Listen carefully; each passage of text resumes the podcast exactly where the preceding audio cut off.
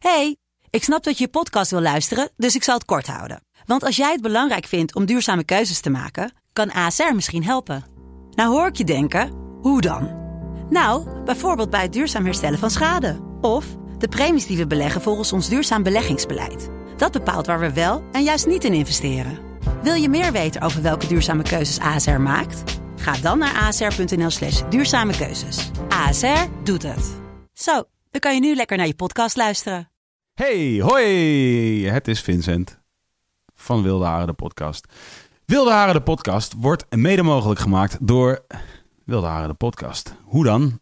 Nou, wij van Wilde Haren, de podcast hebben besloten dat wij Wilde Haren, de podcast meer dan de moeite waard vinden om eh, te sponsoren. En eh, dat doen we doordat wij eh, truien verkopen aan mensen. En als jullie die truien dan vervolgens kopen, dan, eh, ja, dan, dan gaat een deel van die opbrengst gaat naar Wilde Haren, de podcast. Dat is wel goed eigenlijk voor, toch? Want dit is hoe het is. Ja. Um, uh, dit is een trui en die trui die kun je zien op bijvoorbeeld Instagram. Dat is instagram.com slash podcast. Je kunt hem ook bijvoorbeeld zien als je nu naar YouTube gaat en uh, kijkt naar uh, de podcast die nu online staat. dat is youtube.com slash podcast.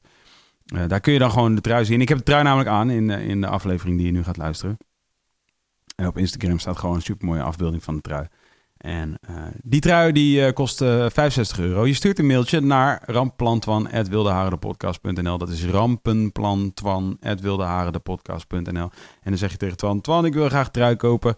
En dan zegt Twan, oké, top, welke kleur? En dan zeg je, ja, paars. En zegt Twan, oh, kan niet, maar één kleur, alleen groen. En dan zeg je, oh, oké, cool, dan neem ik die. Zegt Twan, oké, okay, 65 euro, kom er maar door. Uh, wat is je maat? Waar woon je? Wat is je straat? Waar... Ik wilde een soort rap nu gaan doen en toen is het niet gelukt. Postcode, et cetera, et cetera, et cetera. End of transaction. En dan komt er een Twan. Uh, een trui. En uh, hetzelfde kun je ook doen met een t-shirt. Toch? Zijn die er nog? Zijn er nog t-shirts van? Zeker. Oké, okay, je kunt hetzelfde, eigenlijk hetzelfde verhaal als min of meer met een t-shirt. Uh, lijkt er heel erg op. Hetzelfde e-mailadres. Uh, et cetera, et cetera. Ik weet alleen niet of we een afbeelding... Misschien moet je even ook er die een, uh, even komt, swipen. Er komt een hoogtepuntje op Oh. uh, het Instagram-kanaal van Wilde Haren Podcast. Komt een hoogtepuntje? dit allemaal kunt zien. Die is er nu, Wow. als je dit luistert. Wow, sick. Oké, I like it. En um, kun je ook een t-shirt kopen. Je kunt ook nog steeds patroon worden. Dan ga je naar www.patreon.com slash podcast. En daar kun jij een bijdrage doen voor elke podcast die wij maken. Um, de suggestie vanuit ons is uh, 100 dollar. Maar je kunt bijvoorbeeld ook gaan voor twee of drie. Uh, en dan als wij een podcast maken, dan gaat dat bedrag naar ons. Um, dit moet je natuurlijk alleen doen als je Wilde Haren de podcast heel erg vet vindt. Waar we ook heel erg blij mee zijn, is als je abonnee wordt uh, op YouTube. Ik heb het adres al een keer genoemd, maar het is youtube.com slash de podcast. Als jij abonnee wordt in de iTunes app, um, en dan zoek je gewoon Wilde Haren podcast. En dan word je abonnee. En dan reed je ook ons even nog vijf sterren. Je weet toch, kom op man. Vijf sterretje links, rechts, maakt niet. Heb ik alles gehad, man? Ja, dat is de hele shit. Oké, cool. We gaan nu naar de podcast. Jullie hebben vandaag het genoegen om te luisteren naar een gesprek tussen Abdul Jabbar van Ven en mij. Uh, Abdul Jabbar van Ven is um, een imam. Um, heeft uh, op zijn veertiende de stap naar de islam gemaakt.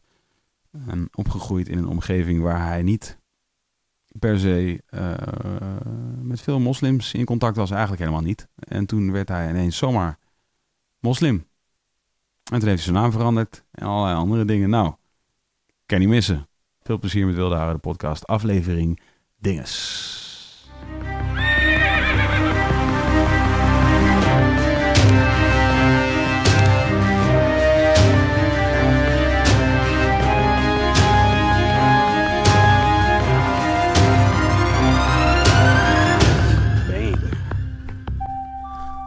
Abdul. Welkom. Zeg ik Abdul of zeg ik Abdul Jabbar? Abdul Jabbar heeft een betekenis. Mm -hmm. dus Kun je die ietsjes naar je toe trekken? Ja. Ja, dan, dan kunnen we je goed horen. Ja, de naam heeft een betekenis. Ja. De Abdul is dienaar van. Mm -hmm. Dan moet er eigenlijk inderdaad iets achter komen. En dus, dus, dus zo dien je ook aangesproken te worden? Ja. ja. Voor de volledigheid, toch? Zeker. Ja. Abdul Jabbar, oké. Okay. Ja. Welkom. Dankjewel. Ik, uh, ik, kreeg, uh, ik kreeg eigenlijk afgelopen weekend kreeg ik een berichtje van, uh, van iemand die ook in deze ruimte is. Ja. En uh, hij stuurde mij een bericht. Hij zei van, uh, ja, ik heb, ben je podcast aan het luisteren de laatste tijd en, ehm, en, eh, en ik vind het wel tof. En, eh, ehm, en nou, nou viel me op dat er nog niet per se een, een islamgeleerde is langs geweest. Iemand die, die, die dat vertegenwoordigt. En hij zei van, ja, dus dit verhaal en dit, dit, dit, dit. Mm. En ik zei, ja, let's do this. Ja, ik wist er niks vanaf. ja, Een ja, soort ja. surprise show. Ja, ja, ja. Ja, maar het is vlug geregeld. Ja, Eh, toch? Is wel eh, leuk dat het laagdrempelig is hier. Dat, Ja. eh, ja. Thanks dat je wilde komen. ja, dank voor de uitnodiging. Ben, ben jij, ehm, voor, voor de mensen, zou jij, zou jij, eh, laat ik zeggen, een stukje van je verhaal kunnen vertellen eigenlijk? Eh, van je verhaal van toen je jong was, toen je 14 was, specifiek. Ja. ja, ik ben opgegroeid in, in Den Bosch, Mhm. Brabant. Eh, katholieke omgeving, katholieke familie. Zelfs een pastoor in de familie die 50 jaar in een klooster heeft gewoond. En ja, van huis uit niet echt heel streng katholiek opgevoed of zo. Dat niet. Maar wel op een vrij streng katholieke school. De Mhm. Maria School zelfs. Mhm. Eh, een van de laatste scholen in Nederland waar we nog ook eh lijfstraffen kregen. Oh ja, echt waar? ja, zeker. Ik heb er niks aan overgehouden, al menen sommigen van wel. Maar, Ehm, ja, en daar kregen we altijd les over eh, Jezus. En natuurlijk, eh, iedere dag begonnen we zelfs het, eh, de lessen met, met gebed. Mhm. Wees gegroet Maria, moeder van iedere, God. iedere dag. Iedere, iedere dag, ja. Want communie heb ik ook gedaan, en dat is rond mijn achtste. Maar ja, dat was meer omdat ik hoorde dat je heel veel cadeaus gaat krijgen. Ja, dat heel de familie langskomt. Altijd de beste reden voor. Natuurlijk geen ideologische overtuiging. Mhm. Ehm, maar ja, kijk, als kind denk je niet echt veel verder na dan wat jou wordt geleerd. Tuurlijk. Maar toen ik 11, 12 jaar werd, begon ik voor het eerst een beetje vraagtekens te zetten bij wat de leraar allemaal vertelde. Mhm. En ik weet dat het begon met twee vragen op de basisschool. Dat was ehm, allereerst, ja, natuurlijk met name tegen katholieken. Ik zei, u heeft het altijd over eh, hoe Jezus een simpel leven leidde en onder een boom zat en zijn brood deelde met armen. Mhm. Ik zeg, waarom woont de paus in een groot paleis in het Vaticaan, eh, Mhm. ver boven het volk? Fair question. Nou, daar werd een beetje heel paniekerig of boos op gereageerd. En eh, ik werd de klas uitgestuurd, terwijl het echt gewoon ja, een oprechte vraag was. Ja. Maar het werd meer afgedaan als jij wil altijd opvallen en je wil altijd problemen veroorzaken. En, en niet, kort, eh, of niet lang daarna kwam een andere vraag. Dat is, ehm, toen hadden we een paar minuten stilte om te gedenken hoe Jezus aan het kruis zou zijn genageld. En ik eigenlijk de vraag stelde van, als Jezus God is, hoe konden ze hem dan aan het kruis nagelen? Ja, Wie, want hij- wie bestuurt het universum, Mhm. kort gezegd? Nou, daar werd ook niet heel vrolijk op gereageerd. Maar daar werd gezegd, ehm, Jezus eh, is de zoon van God. Nee, nee, dat was een ander. Het, begon eigenlijk met het gebed, wees gegroet Maria, moeder van God. Mhm. Eh, waar we dus elke dag eh, de lessen mee openden. Mhm. Ik zei, moeder van God, waar zijn de opa en oma van God? Het is gewoon een simpele vraag van een kind. Mhm. Nou, en daar werd dus gezegd van, ehm, Jezus is, of Maria is de moeder van Jezus en Jezus is God. En toen zei ik dus inderdaad van, hoe kan hij aan het kruis zijn genageld? 1 en 1 is 2. Nou, dat, eh, dat wat ik zeg, daar werd ook niet echt heel blij op gereageerd. Eh, vandaag... Mag, ja. ik, mag ik je heel even onderbreken? Dit, je kan heel specifiek nog noemen die, die, die vragen die je had. Ja, Ehm, ik kan mij voorstellen als je zegt van... Hey, ik kwam uit een katholieke familie... of een eh, overwegend katholieke familie... wat was niet zo streng, maar ze wisten er wel wat Mm, van. ja. Ehm, kan ik me voorstellen dat je die vragen mee naar huis nam ook. Misschien is dat je... Ik hoor, staat de koptelefoon ook te hard. Dat je daarom je microfoon verder van je af. Of is het oké? ja ik hoor een beetje... eh, ja, een, ja. een, eh, een ruisje, hè? Ja. Die hoor ik ook. Hoor, je, hoor jij die niet, eh, Twan? Oké. Ja. Beter? Ja. Beter, hè? Nou, maar het- Ehm, ja. Ja, dus dat je die, ik kan me voorstellen dat je die vraag ook mee naar huis nam. Ja, ja, niet zozeer omdat thuis, ja, maar ik bedoel, mijn, mijn vader en moeder leefden niet echt met de Bijbel in de hand, zeg maar. Oké. Het was meer met kerstmis naar de kerk. En, Ja. eh, maar eh, ja, het was sowieso vreemd natuurlijk dat ik na zes jaar katholieke basisschool voor het eerst hoorde dat Jezus God is. Daar had ik zelf nog nooit over nagedacht. Mhm. Ik dacht, Jezus is gewoon een interessante figuur. Eh, vandaag de dag zou je YouTube of Google raadplegen. Ik schreef een brief naar de pastoor. Dus eh, ik wist waar de pastorie was, naast de kerk. Deed de brief in de brievenbus met dezelfde vragen. Mhm. is nooit op gereageerd. Mhm. En als jong kind eh, dook ik al veel in de boeken. Dus ik ging in de bibliotheek gewoon eh, ja, boeken lezen over eh, hindoeïsme, boeddhisme, jodendom, christendom. Mhm. En eigenlijk nog niet zozeer over de islam. En natuurlijk, iedere religie heeft goede punten. Maar op zich, de kern van goedheid zit ook in iedere religie. Dat je goed moet zijn tegen je medemens. En, ja. Eh, maar ook iedere religie had punten die ik niet kon accepteren. Die ik ja, of hier of in mijn hart te ver vond gaan. Ehm, ja, uiteindelijk, eh, ik kan je wel de hele omweg noemen. Ehm, Kun je, kun, je er kun je misschien wel iets specifieks noemen? Laat ik zeggen uit... Laat ik zeggen, er is bijvoorbeeld hè, het boeddhisme. ja, Is ook nu een beetje een eh, modegeloof. ja, Zou je, eh, met alle respect naar, dat, naar die religie. Maar Ja. dat is het, aan deze kant van de wereld zou je wel kunnen zeggen dat dat het een beetje is als een soort af... omdat het natuurlijk nauw geleerd is aan, met yoga en met veganisme en dergelijke. ja. Ehm, wat, maar wat zou je zeggen bijvoorbeeld uit dat geloof waarvan je toen dacht van, maar dat rijmt niet met... Nou, oké, interessant dat je het boeddhisme aanhaalt, omdat dat met name iets was waar ik ja, in die periode best veel geïnteresseerd in was. Want Mhm. ik dacht eh, op zich het, het, ehm, ja, het mediteren en het vasten en dat soort dingen trokken me wel aan. Alleen tegelijkertijd kreeg ik in het boeddhisme geen antwoord op de vraag. eh, er wordt niet gesproken over God of de schepper. Er wordt gesproken over de menselijke ziel. Maar er wordt eigenlijk helemaal gezwegen over hoe die ziel dan is ontstaan of hoe. eh, dat soort dingen krijg je geen antwoord op in het boeddhisme. Het is meer verlichting van de ziel. Ja, Maar geen antwoord op eh, wie heeft dit alles geschapen en waarom is, is het hier en, en dat soort eh, dingen Oké. kon ik niet vinden. ja. En zo werd dus in wat jij nu net zegt van het was een combinatie van hart en, en, en, en verstand of geest Ja, waar jij antwoorden wilde en wilde dingen wilde voelen. En daar voelde je wel op zich iets, ja, maar daar zei de geest weer van ik ontbreek een paar antwoorden. ja. Nou, Jodendom bijvoorbeeld eh, heeft natuurlijk wel heel veel gemeen met islam. Alleen daar, daar wordt bijvoorbeeld Jezus afgewezen. En die vond ik toch wel een belangrijke pe- persoon. Ehm, atheïsme is eigenlijk nooit echt serieus een optie geweest voor mij. Dat is, is, is dat gek? Dat is eigenlijk pas later, eh, nou is dat gek. In die tijd ja, had ik er nog nooit echt van gehoord. En, en Mhm. ik heb er ook nooit echt ja, bij stilgestaan van zou er wel überhaupt een God bestaan. Je had altijd Dat- het gevoel dat het wel zo was. Ja, ik heb eigenlijk pas later op de universiteit, eh, dat ik echt discussies en debatten begon te voeren met atheïsme, met atheïsten, dat ik daar meer in die materie dook. Maar het heeft me nooit aan twijfelen gebracht of zo. Maar nee, tot die tijd was dat ook geen, eh, geen optie. En het was ja, rond die tijd ook dat ik de hip-hop begon te ontdekken. Ja, En vooral de hip-hop met, de ja, nog met de message, nog niet, nog niet die eh, gehuurde auto's met, eh, met fake vrouwen die op de motorkap liggen. En, eh, ik zit er ieder weekend in.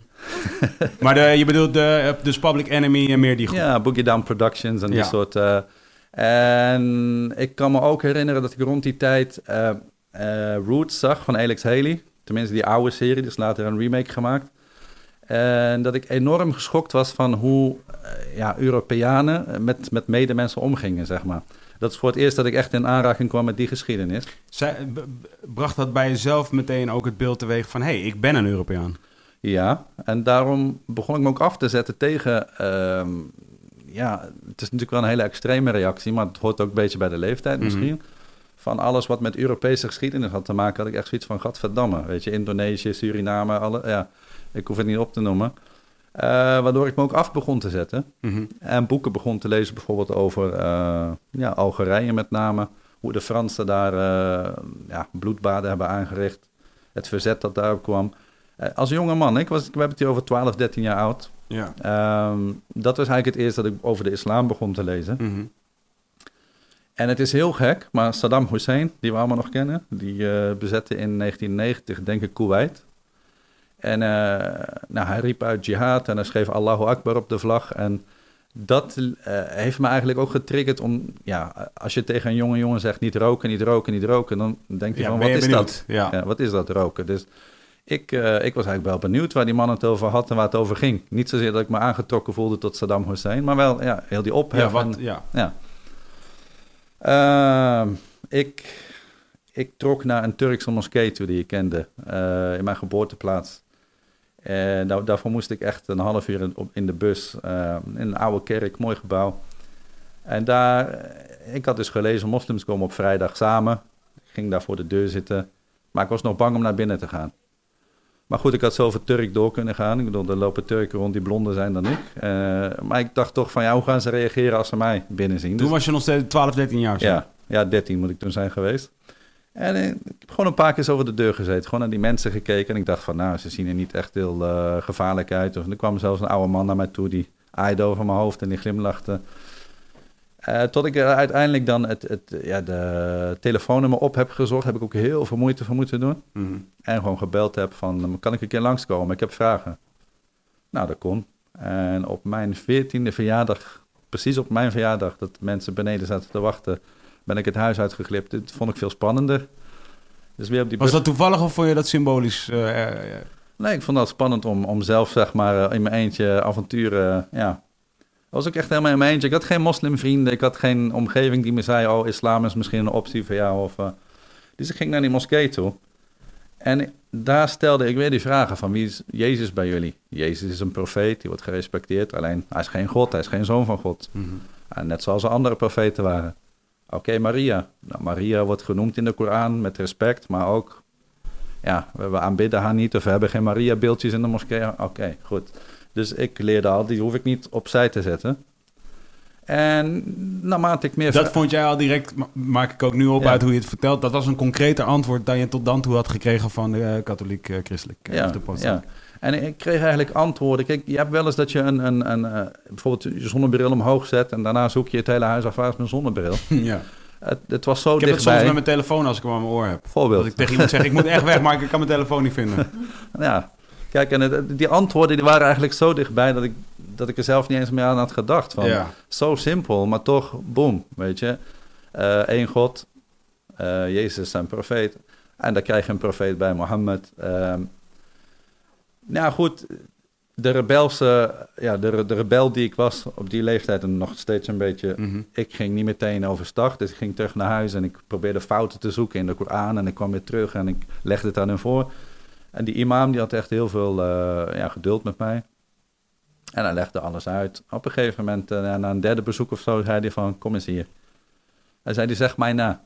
Ashhadu an la ilaha illallah wa ashhadu anna Muhammad rasulullah. Dat is de islamitische geloofgetuigenis. Als je die uitspreekt, natuurlijk ook vanuit je hart, word je moslim.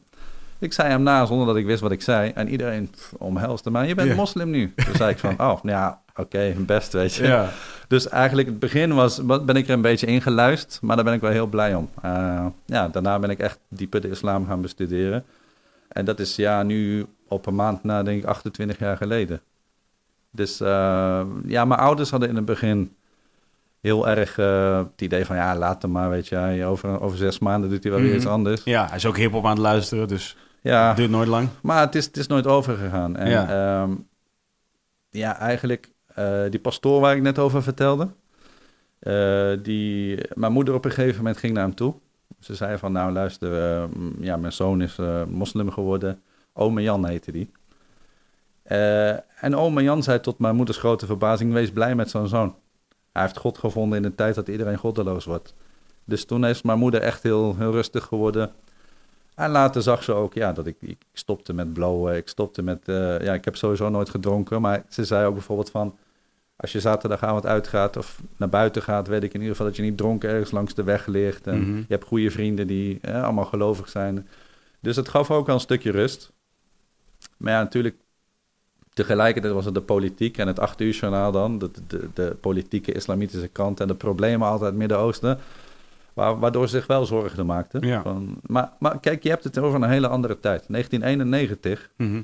is een tijd dat als je zei, Nederland is vol. Dat is gewoon normaal. Nee, dat is niet normaal. Dan, Oh. dan kreeg je, eh, kijk, Jan, Hans Janmaat, zegt ja, dat jou ja, nog iets? dat zegt mij heel veel. Die zei vol is vol. Ja. Nou, die heeft hele grote problemen gehad. Ja, zeker. Ja, zeker. Nou, de nuance is namelijk bijvoorbeeld, ik, kwam, ik kom hier uit de buurt. Ehm, en dan specifiek eigenlijk niet uit deze stad, maar uit een, do- uit een dorp hiernaast. Ja. Ehm, eh, en ik ben inderdaad in de jaren negentig, was ik dus in mijn tienerjaren. Eh, net als jij eigenlijk. Ja, jij bent een paar jaar ouder dan ik, geloof ik. Ehm, en toen, on- en in mijn omgeving, en ik zat dus ook op een katholieke school, toevallig. eh, en een best wel een beetje een elitaire katholieke witte school. Ja. En ehm, daar merkte ik om mij heen ook, omdat het gabber, het hele gabber-ding kwam op, een beetje Ja. tegelijk met het CD. En dus dat is de partij van Hans Janmaat, voor iedereen die dat niet weet. En de, daar merkte ik eigenlijk van, wat jij zegt, was niet normaal, maar in mijn omgeving merkte ik dat het wel normaal werd gevonden. Oké. Uh, het- laat ik zo zeggen, ehm, zolang je dat niet op tv of zo zei, Ja. maar gewoon in kleedkamers of in, nee, nou was dat acceptabel. nee, dat heb ik gelukkig nooit meegemaakt. Maar eh, ja, in, in, in dat milieu, toen ik moslim werd, was de reactie over het algemeen... oh, wat leuk en vertel. En het is zelfs zo dat ik eh, in die tijd al een paar interviews gaf... Omroep Brabant en Brabants Dagblad. En, en dat de volgende dag dat mensen je op straat herkenden en zo... dat altijd de reacties positief waren. Oké, Dat was echt een, ja, Ja. nog een heel fijn klimaat... ja. waar iedereen eigenlijk heel bang was om racist te zijn. Of, eh, ja. ja. En vandaag de dag hoor je GroenLinks eigenlijk dingen zeggen... die nog erger zijn dan wat Hans Janma toen zei. Dus Heb je een voorbeeld daarvan?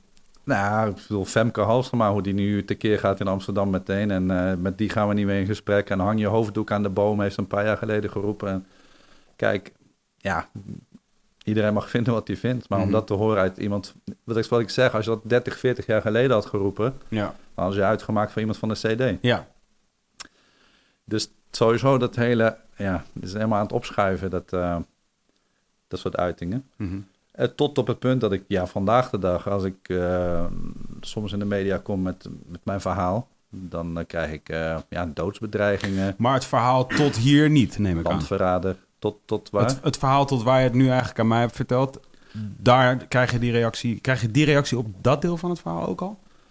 Nou, moslim staat gelijk aan landverrader. Voor veel, voor veel mensen, blijkbaar. Indien je niet Die- uit een moslimland komt dan waarschijnlijk, ja. Ja, dus als Nederlander. Ja, precies. Ja, Eh, ja goed, ik, eh, je krijgt er een hele dikke huid van. Mhm. En de eerste paar keer, dat is al heel lang geleden, maakte ik me druk. Want ik word met de dood bedreigd. Maar op een gegeven moment, ja, Mhm. was het letterlijk zo dat ik het in de middag alweer was vergeten en iemand mij daaraan herinnerde. Dat Ja, ik, ja. eh, ja. Ehm, maar ja, kijk, het, het maakt je wel eh, een, persoon, een ander soort persoon dan. Je maakt, het maakt je weer wantrouwig dan dat je eigenlijk bent. Ja. En je bent ook altijd meer op je hoede en meer, minder open. Eh, Daardoor geworden. ja, ja. Ben jij, ik, ik wil even terug naar die, naar die fase in de jaren 90 of eigenlijk eh, eind jaren 80 dat jij, dat jij met hip-hop in aanraking kwam. En dat eh, ja, 88, ja. vind ik wel interessant. Heb, heb jij daar, want namelijk nu, ehm, nou laten we het eerst hebben over toen. Wat, wat trok jou daarin aan? Wat trok me aan? Eh, ik, ik weet niet. Kijk, je hoort het en, en eh, je, je houdt ervan of niet. Het is Mhm. gewoon zo met muziek, net als met eten of met kleding, denk ik. Eh, ja, het was de eerste keer dat mijn neefje een paar tapes meebrang. Ik weet niet of mensen nog weten wat tapes zijn. Dus? Tapes, dames en heren, is, van, is een soort mp3, maar dan... eh, is een Ja. soort stream, maar dan kan je hem op Maar tafel dan, leggen. ja, dan, alleen hij kan verkneld raken in je cassette ja, precies. En dan moet je een potloodje pakken en dan helemaal afwinnen en dan weer op. Oh, het was naar als je lievelingstape helemaal eh, in de war was. Maar het had ook wel wat, toch? Het is net als als je nu een film kijkt en, en dan heb je, zeg maar, soms hebben ze expres in die soort, eh, in die soort, wat is, wat is die met die, is dat, is dat eh, Uni- Universal? Wat is het? Welke is dat? Of is dat, ja, nou je hebt die ene met die soort, met die trompetten, toch? En Hmm. soms doen ze expres die soort valse zo, ping, ping, erin. Waardoor je wel die extra soort nostalgische, Ja, zeker. dat nostalgische gevoel krijgt. Dus bij een tape, als je een tape nog hoort met die, dat af en toe gewoon helemaal slecht gaat, dat is eigenlijk wel heel, heel Ik heb er nog heel wat met plakband weer aan elkaar geplakt. eh. Maar goed, terug naar die tijd. ehm, ja, Ja, die tapejes kreeg je van je neef. ja. En ja, ik vond het gewoon mooie muziek. Dit- Daar begon het natuurlijk mee. En ja, ik, ik vraag me nu af als 11-jarige jongen wat, hoeveel ik van de teksten begreep. Ja. Ja, het is natuurlijk alleen al een hele eigen slang, ook al zou je Engels spreken. Ehm, ja, die heb ik grijs gedraaid en er kwamen er steeds meer tapes bij. En ja, zo is het begonnen. Op een gegeven moment begin natuurlijk zelf raps te schrijven. En eh, ja, helemaal aan het einde, eigenlijk vlak voordat ik stopte, eh, ben ik ook, eh, heb ik raps opgenomen. Er is ook een LP uitgekomen in Breda bij mijn studio. Eh, ik weet niet of je Northside Stylers, zegt je? Ja. Ja, uit Den Bosch. Ja. Peewee en zo. Ja, zeker. Die zaten bij dezelfde, eh, ja, hebben ook nog een nummer mee samen toen ooit opgenomen. Dope. Maar ik, die LP Dus heb ik zelfs niet meer. ehm, Jay en uh, Hyreke Hyro? Ja, misschien als, Oké, als ik ah. zie. Jongens Maar- van die kant. Dit- Ik bedoel, die LP zelf, die, die heb ik zelf niet meer. Ik Mhm. weet niet wat ermee is gebeurd. En, eh, Dit was op vinyl ook echt. ja, het was, eh, het was ook op de radio een paar keer. En, eh, maar ja, Was dit Kijk, Engelstalig? nee, eh, ja, ik, ik rapte Engelstalig. Maar het grappige is dat ik, ik rapte ook met een boodschap. Dus ik had niet zozeer die... Kijk, ik, in de latere periode begon ik wel meer naar gangsterrap te luisteren. Mhm. Maar meer het gangbangen en zo verv- verving ik dan door ehm, ja, met de rebelse politieke boodschappen. Ja. Of, eh, ja.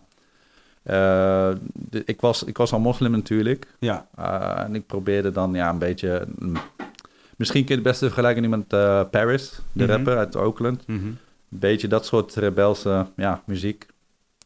Ik zeg niet dat ik zo goed was, maar... en eh, ja, het was in een tijd natuurlijk dat het helemaal niet zo populair was... en dat er geen YouTube bestond.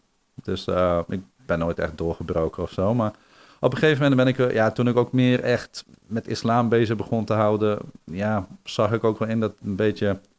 pro- problemen oplevert. Want je staat te rappen in een zaaltje waar iedereen stoned en dronken staat. En dat ik dacht van ja, ik sta hier een boodschap te verkondigen, maar hoe ver komt die over, weet je? Iedereen staat gewoon, eh, ja. Dus ja, Hoe, hoe kijk je daar nu tegenaan? kijk, alles wat ik in mijn leven heb meegemaakt, denk ik van, ik ben blij dat ik het heb meegemaakt. Eh, omdat het het mij heeft gemaakt tot wie ik nu ben. En ik ben blij met wie ik nu ben. Dus dat eh, ja, is sowieso een, een, een les. Plus, natuurlijk nu in mijn werk, als, er er kloppen vaak jongeren bij me aan met vragen en problemen. Kijk, ik ben niet iemand die dat alleen kent van het nieuws of zo. Ik, ik was ooit die jongere. En ik was ook ooit die jongere die een betere moslim wilde worden. Maar het, het lukte maar niet, Ja. weet je. Eh, Want dat kan ik mij voorstellen, sorry dat ik je onderbreek. Ik kan mij voorstellen, trouwens, jouw werk, je zegt eh, vanuit mijn werk, wat is eh, jouw werk? Ja, je kan me imam noemen in, in Manchester. Ik, heb, ik ben net drie maanden terug in Nederland. Ik heb twaalf jaar in Manchester gewoond. Daar was ik ook echt imam. Dus zeg maar, ja, als je wenst, pastoor van een moskee. Ja, als je het eh, uit wil leggen van mensen die Dat niet weten. ja, met verschil dat ik mag trouwen. Maar eh, ja, ook ik geef lezingen, ik, ik geef lessen. En dan kloppen natuurlijk ook online mensen bij je aan met vragen en problemen.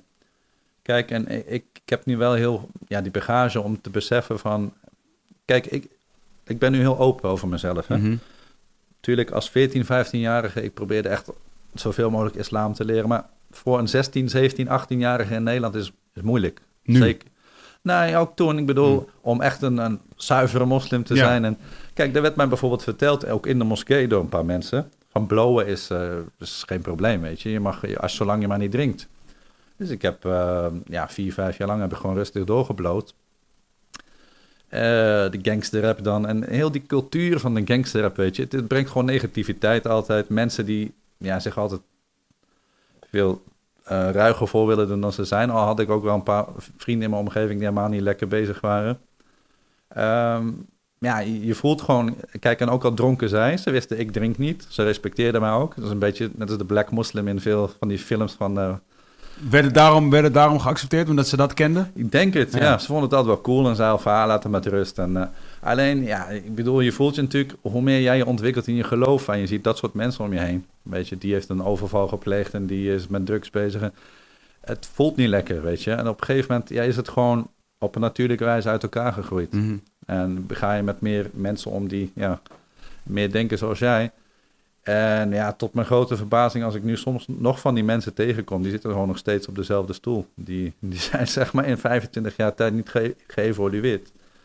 Ja, dat vind ik wel zonde van een mensenleven. Dat, eh, Mhm. ja. Maar zou jij zeggen, want je zegt het was toen voor een jongen van eh 16, 17, 18 eh, moeilijk om een, eh, om een vrome moslim te zijn. Zou je zeggen dat het toen moeilijker was dan nu? Eh, ik denk dat het nu moeilijker is. Zo ook met social media, met, met al, alles wat erbij komt kijken. Maar goed, wij hadden natuurlijk ook de verleidingen. En ik, om een voorbeeld te geven. Ik stond op een moment met, met mijn vriend op straat om, om ja, meisjes te checken. Hè, we- kijken wie er voorbij kwam. Totdat ik zei van, oh, het is tijd om te bidden, man. Ik ga even naar huis en ik kom zo terug. En ik ging thuis bidden Ja. als vrome moslim. En dan was het uit je hoofd. En dan kwam ik weer terug. Nee, Oh. dan kwam ik weer terug om eh, ja, gewoon vrolijk verder te gaan. Je, je loopt met twee benen, Ja. ja. één in de ene wereld en de een in de andere Ja. wereld. En dat is wat ik zeg. da- Daardoor kan ik nu wel me beter inleven in ja, veel jongens die... Kijk, er waren momenten dat ik ehm, het gewoon wist dat ik niet goed bezig was. Mhm. En dat ik gewoon eh, bijvoorbeeld mijn wiet in de prullenbak gooide en aftershave erover gooide en weet ik veel wat allemaal. Dus ik ben er vanaf. Maar volgende dag ging je gewoon weer nieuwe halen. Ik weet, zeg maar, dat soort struggles, weet je, van, eh, en de vrienden om me heen zijn niet goed en ik wil, betere vrienden. Ehm, ja, ik kan ik, je keek toen zeg maar op tegen mensen die beter waren, tenminste aan de buitenkant in ieder geval, beter waren dan jij. En ik besef dat ik nu voor veel jongeren de persoon ben tegen wie zij opkijken, in islam tenminste. Van, ja, ze zeggen wel eens, we worden nooit zo goed als jij. Maar dan zeg ik van, ik was die jongen die jij nu bent. En ik, ik heb ook natuurlijk mensen tegen wie ik opkijk. Mhm. Ik bedoel, het is... eh, maar dat is heel wat anders dan, kijk, in sommige moskeeën wordt een imam overgevlogen uit Turkije. En die doet drie jaar dienst hier in Nederland en dan gaat hij ergens anders heen. Ik denk dat hij veel minder connectie heeft Ja, met, met, ja, Het, eh, met, met de lokale ja, eh, jeugd. Maar ik kan mij voorstellen nu voor jeugd. En ik zit natuurlijk zelf best wel diep in die cultuur. Dus niet in de moslimcultuur, maar in de entertainmentcultuur en in de hiphopcultuur. En eh, ik zie daar, ehm, eh, laat ik zeggen, dan heb ik het wel even specifiek over social media, maar ook wel in real life. Want we hebben natuurlijk ook artiesten die, eh, die moslim zijn en ja. volgens mij daar ook wel mee worstelen soms. Of in ieder geval dat tweeledige, dat, dat dualisme heel erg hebben. Ehm, eh, maar ook zie ik in, laat ik zeggen, comments. wat toch altijd een soort goede, goede bron is als je inzicht wil in, in de jeugd. Ehm, afgezien van dat het een heel ongefilterde plek is en dat het altijd iets, eh, iets extremer overkomt dan dat het waarschijnlijk is. Maar bijvoorbeeld daar zie ik heel vaak nu het vraagstuk voorbij komen. En muziek maken in het algemeen is Hmm. eigenlijk niet toegestaan.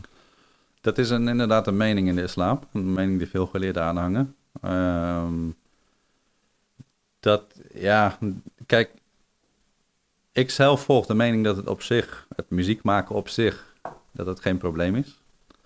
Kijk, het, gaat ook over interpretatie van teksten. Er, is nooit, er staat nergens letterlijk in, in de Koran of in de uitspraken van de profeet van maak geen muziek.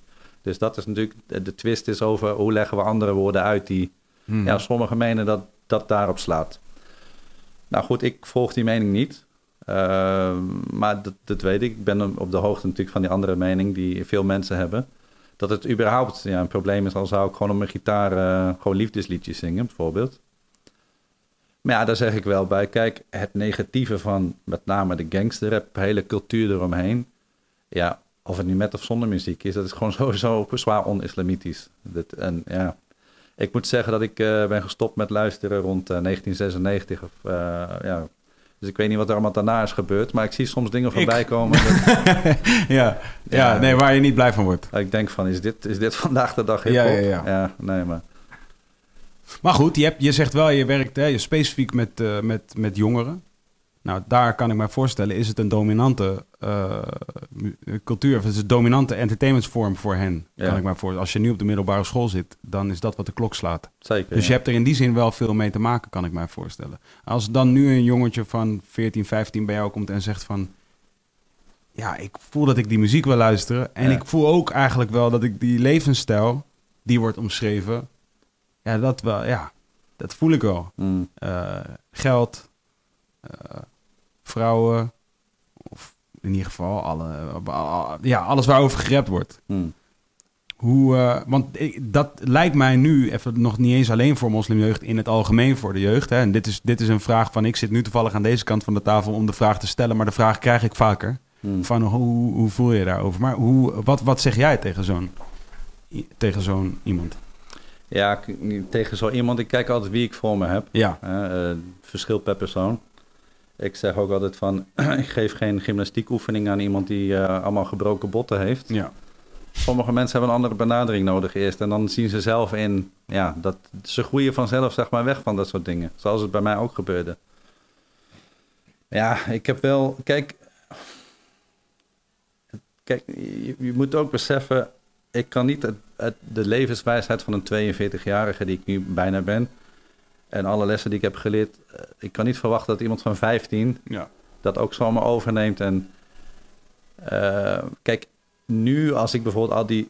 Kijk, vroeger vond ik het heel cool. De Crips en, de- en al die street gangs en bla bla bla. En op een gegeven moment, eh, ik kwam in Manchester te wonen en dan zie je dat een meisje van acht wordt geraakt door een kogel die, eh, die niet voor haar bedoeld was. En dan zie je eigenlijk dat het helemaal niet zo cool is.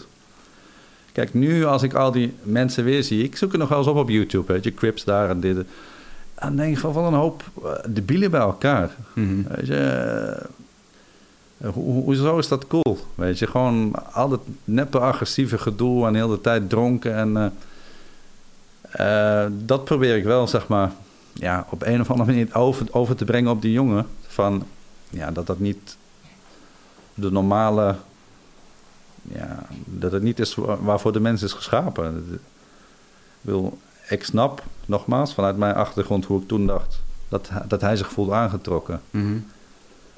Kijk, en eh, ja, ik ken zelfs mensen die hun geld daarmee verdienen.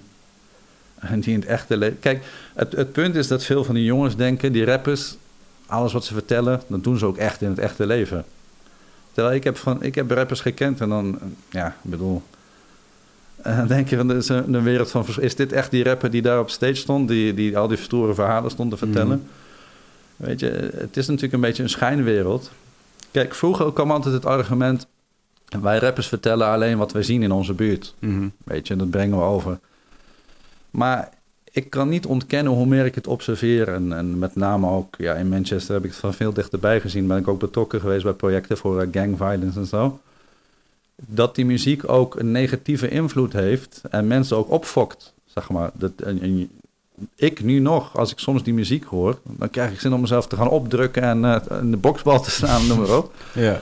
Maar eh, en ik, ik weet ook hoe me toen voelde. Als ik als sommige nummers hoor, dan word je echt gewoon... Ja, je, je mannelijke hormonen schieten omhoog. En eh, ik, ik kan niet ontkennen... Kijk, het is, in Nederland wordt bijvoorbeeld heel vaak de discussie gevoerd... hij is een haatprediker. Hij, eh, hij mag niet prediken, want eh, hij zegt dit over vrouwen. Over jou? Nee, ja, Oh. over mij ook. Maar oh, in het algemeen, hè. Hij zegt dit over vrouwen bijvoorbeeld. En dan denk je van, hallo, maar die rapper die staat op stage... en die heeft Ja, vijftig- 50.000 toeschouwers... Ja.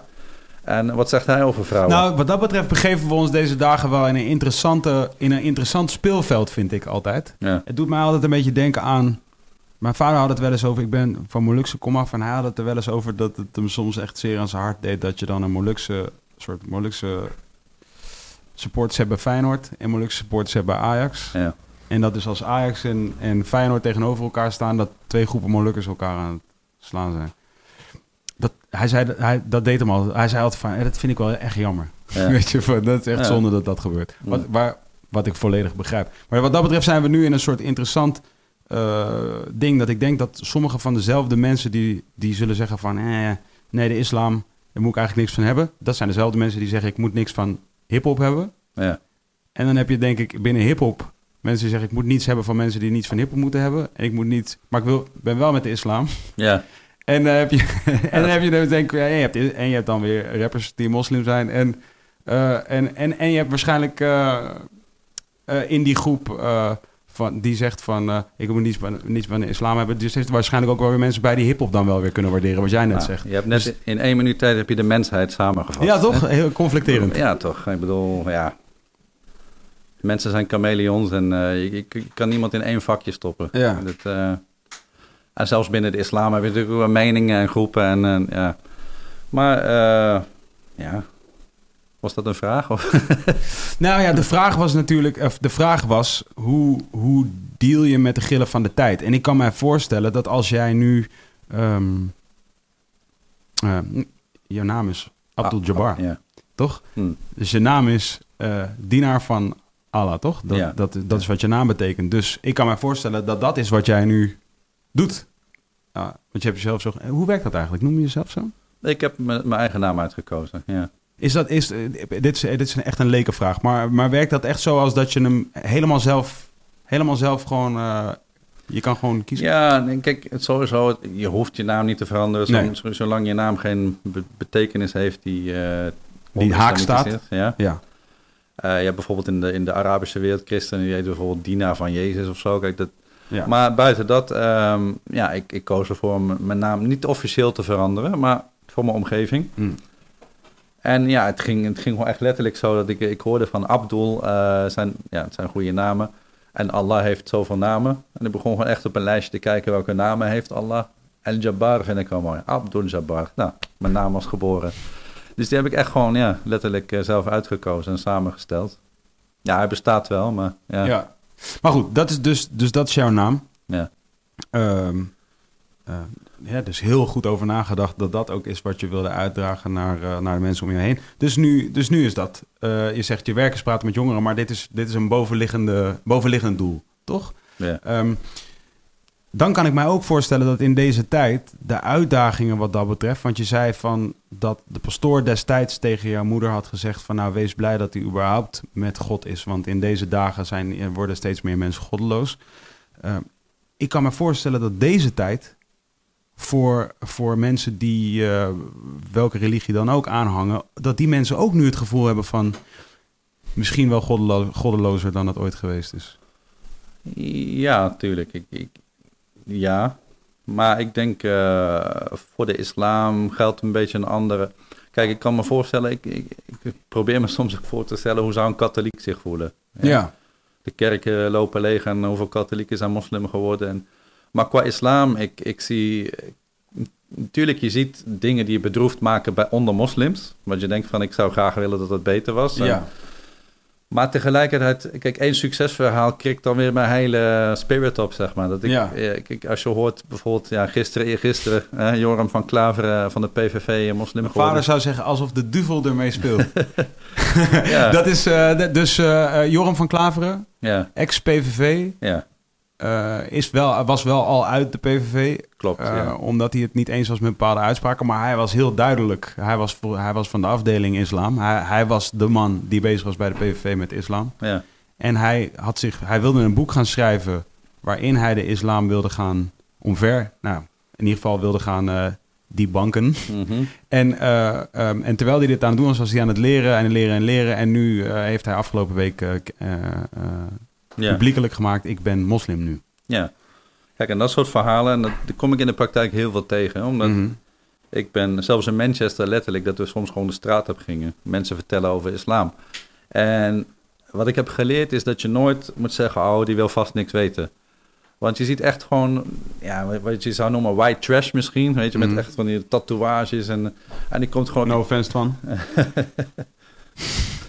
oh ja, tatoeages. Ja, die zijn voor mij heel ordinair. Maar, dus- hij, is, hij is just now de, aan het plaatsen de hele tijd. Man. Je bent nu pas white trash aan het worden. Je had nog de kans om het niet te zijn. Ah, je zak, man. Ja, maar ja, dan, dan zie je dus dat, dat ze heel geïnteresseerd zijn en echt open zijn. En dat er eigenlijk nog steeds meer vriendelijke mensen zijn dan negatieve mensen. Dat is je algemene indruk van eh, ja, de mens. kijk, er zijn natuurlijk. Eh, Het is normaler geworden om eh, gewoon hele rotte dingen te zeggen. Mhm. Maar nog steeds, als je met mensen dagelijks in, in aanraking komt, zijn er meer aardige mensen dan. En Fully agree. ja, Ja, en daar haal ik wel heel veel energie en positivisme uit. Ik, eh, idem dito. Ja. je kan je doodstaren op, ja, Op de negativiteit, maar eigenlijk in de dagelijkse realiteit, in de fysieke wereld dan wel. Want, in de, want social media specifiek is natuurlijk wel echt een cesspool van negatieve energie. ja, Uh, maar als je op straat de gemiddelde mensen aanspreekt uh, en vraagt naar de weg, krijg je over het algemeen gewoon een vriendelijk antwoord. Ja, en, en kijk, en zelfs die negatieve reacties is grappig. Ehm, het, is, het is vaak gewoon een uitlaatklep. Kijk, Ja. ik heb je dus straks verteld dat ik wel eens doodsbedreigingen krijg, bijvoorbeeld. Mhm. hè? En eh, soms dan reageer ik daar gewoon heel netjes op. En zeg ik van, volgens mij wil jij iets kwijt. Je, er zit jou iets dwars. Vertel, weet je. Wat, wat Mhm. zit je dwars? En het zal je verbazen hoe vaak ik daarna gewoon een normaal gesprek krijg Ja. met zulke mensen. En dat Ja. ze eigenlijk zeggen van, oh, je bent helemaal niet zo erg als ik dacht. En, ehm, weet je, zelfs Wat, die- wat, wat zit mensen dan dwars? Vraag ik me dan wel af. ja, wat zit mensen dwars is dat zij... Kijk, ik zeg vaak... Ik zit er niet mee als jij me haat om wie ik ben. Dat is jouw probleem. Maar wat ik wel erg vind is dat je me haat om wie je denkt dat ik ben. En dat probleem is een beetje... Veruit de meeste mensen die negatief staan tegenover moslims en islam... denken dat wij iets zijn wat we niet zijn. En, En- wat zou je zeggen dat dat is? Ja, wat zij eh, bij het 8 uur journaal horen... of wat ze in de Tweede Kamer horen... of wat ze in de Telegraaf lezen. Ik bedoel... Ja, dan wil ik je niet per se dwingen om dat te zeggen, maar wel, het is wel belangrijk dat, dat ik dan weet wat jij bedoelt.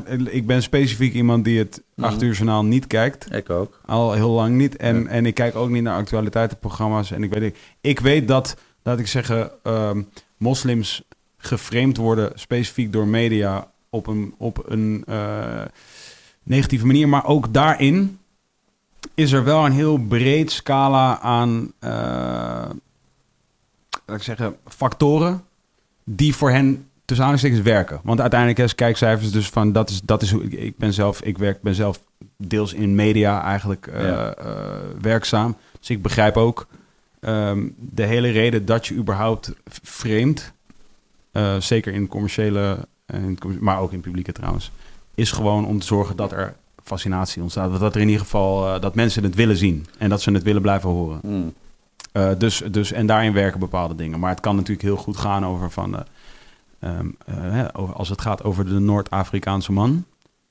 Dat is voor mensen nu, is de connotatie is moslim. Ja.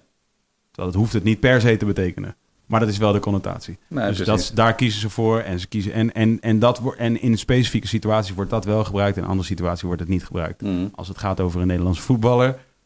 Een Noord-Afrikaans-Nederlandse voetballer. Dan is hij niet Noord-Afrikaans. Ja. Maar als het gaat over, bij opsporing verzocht, over iemand met een Noord-Afrikaans uiterlijk, heeft hij wel Noord-Afrikaans. Dat is basically. ja. Maar het probleem is dat die media, dat er natuurlijk wel een wisselwerking is met de politiek. Ja. Ja, die de politiek in een bepaalde hoek drukken. Geloof, geloof jij dat dat, geloof jij dat, dat een, ehm, dit is geen retorische vraag, geloof jij dat dat een, een 1-2'tje is? Of dat dat, laat ik zeggen, de, de, de, ja, de dynamiek der dingen is, zeg maar. Als, het, als, als die, roze, die hele grote roze olifant, die ontstaat wanneer er critical mass ontstaat rondom een onderwerp. Kijk, eh, ik spreek uit, ja, ik bedoel, ik heb door de jaren heen best veel media-optredens gedaan en journalisten ontmoet noem maar op, van verschillende niveaus. Er zitten gewoon echt rotzakken tussen die gewoon echt bewust jouw woorden verdraaien en gewoon, die overduidelijk gewoon een agenda hebben. Mhm. Dus die zitten ertussen, één, tweetjes en... eh, er zijn ook een paar eh, gewoon hele objectieve eh, mensen die gewoon, gewoon hun werk willen doen. Die Ja. gewoon alleen weer willen geven wat je zegt zonder een oordeel te vellen. Of, maar die zijn zeldzaam. En ik, ja, waardoor ik wel steeds mediaschuwer ben geworden. Dat is wat je zegt, een 1 tweetje. Ik heb wel gevallen meegemaakt, ja. En dat het ook echt tot in de Tweede Kamer eh, vervolgens wordt besproken. Eh, Dat je echt merkte van, oké, nu word ik gewoon, eh, deze, ik word geduwd in dit hoekie. Als, als koren op de molen van deze politicus die, die graag, ja, zal ik dit- een voorbeeld geven? graag. Ehm, een paar jaar geleden, twee, drie jaar geleden, Mhm. zou ik een lezing geven in Hilversum. Over de etnische zuivering van Palestina. Mhm. Het was zo gekozen dat die op 4 mei plaatsvond. Ik bedoel, het was niet heel bewust op 4 mei, maar de mensen hadden toen vrij. We dachten dan komen er meer mensen aan de moskee. Heel simpel gedacht. Nou, ehm, ik woonde nog in Engeland. Dus voordat ik überhaupt voet op Nederlandse bodem had gezet, stond het al voor op de Telegraaf. Eh, een of ander eh, opgeklopt artikel. Ik had nog geen woord gesproken, maar mijn lezing werd al veroordeeld. Eh, vervolgens werd het in de Tweede Kamer door de SGP, de PVV, eh, iedereen stond, op, stond te stijgeren. Eh, en dan denk je van, ja, goed, je hebt een land waar zogenaamd vrijheid van meningsuiting geldt en vrijheid van bijeenkomst. Vervolgens wordt de burgemeester van Hilversum onder druk gezet, die, eh, die met de moskee ging praten en dit wil- willen jullie niet hebben, al die problemen. Moskee blaast af. Die tactiek heb ik meerdere malen meegemaakt. Dat dus, zeg maar dat de Telegraaf iets groot uitroept, dat vervolgens wel de Tweede Kamer er iets over moet vinden. Ja, ja, tuurlijk. Eh, waardoor uiteindelijk, eh, heel verpand, op een onderduikadres, zo wil ik het noemen, op 4 mei, die lezing hebben gegeven. Of via livestream. Die uiteindelijk wel door meer mensen is bekeken dan in de moskee waarschijnlijk. Maar ja, eh, dat, ja, dat is een voorbeeld uit de praktijk. Maar waar, waar, waarom doen ze dit?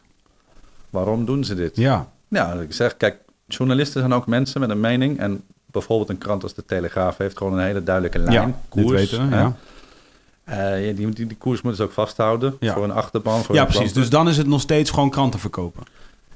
Ja, nou, ik, ik geloof dat er oprecht ook wel gewoon eh, hele fanatieke journalisten tussen zitten die ook gewoon echt ja, een doel voor ogen hebben. Ja, ja. En echt een duidelijke niet politieke agenda hebben. Ja, zeker. Ja. Ja. Nou, dat geloof ik ook wel. Ik bedoel, volgens mij is het ook zo dat, dat specifiek met kranten is dat, vind ik dat wel opvallend. In Nederlandse, laat ik zeggen, Nederlandse televisie eh, qua media ehm, niet zo duidelijk als in Amerika bijvoorbeeld, volgens mij. Qua politiek, maar, maar natuurlijk EO wel. Ja. En, eh, en er zijn een heleboel natuurlijk, er zijn een heleboel volgens mij eh, eh, in het publieke bestel een heleboel omroepen die, die vanuit een religie voort zijn gekomen. ja, oorspronkelijk ooit. Ja, Ja, maar ook islam. ja Ja, dat is, dat is misschien een beetje een domme vraag, maar dat is Ja. omdat ik kijk dus geen tv meer.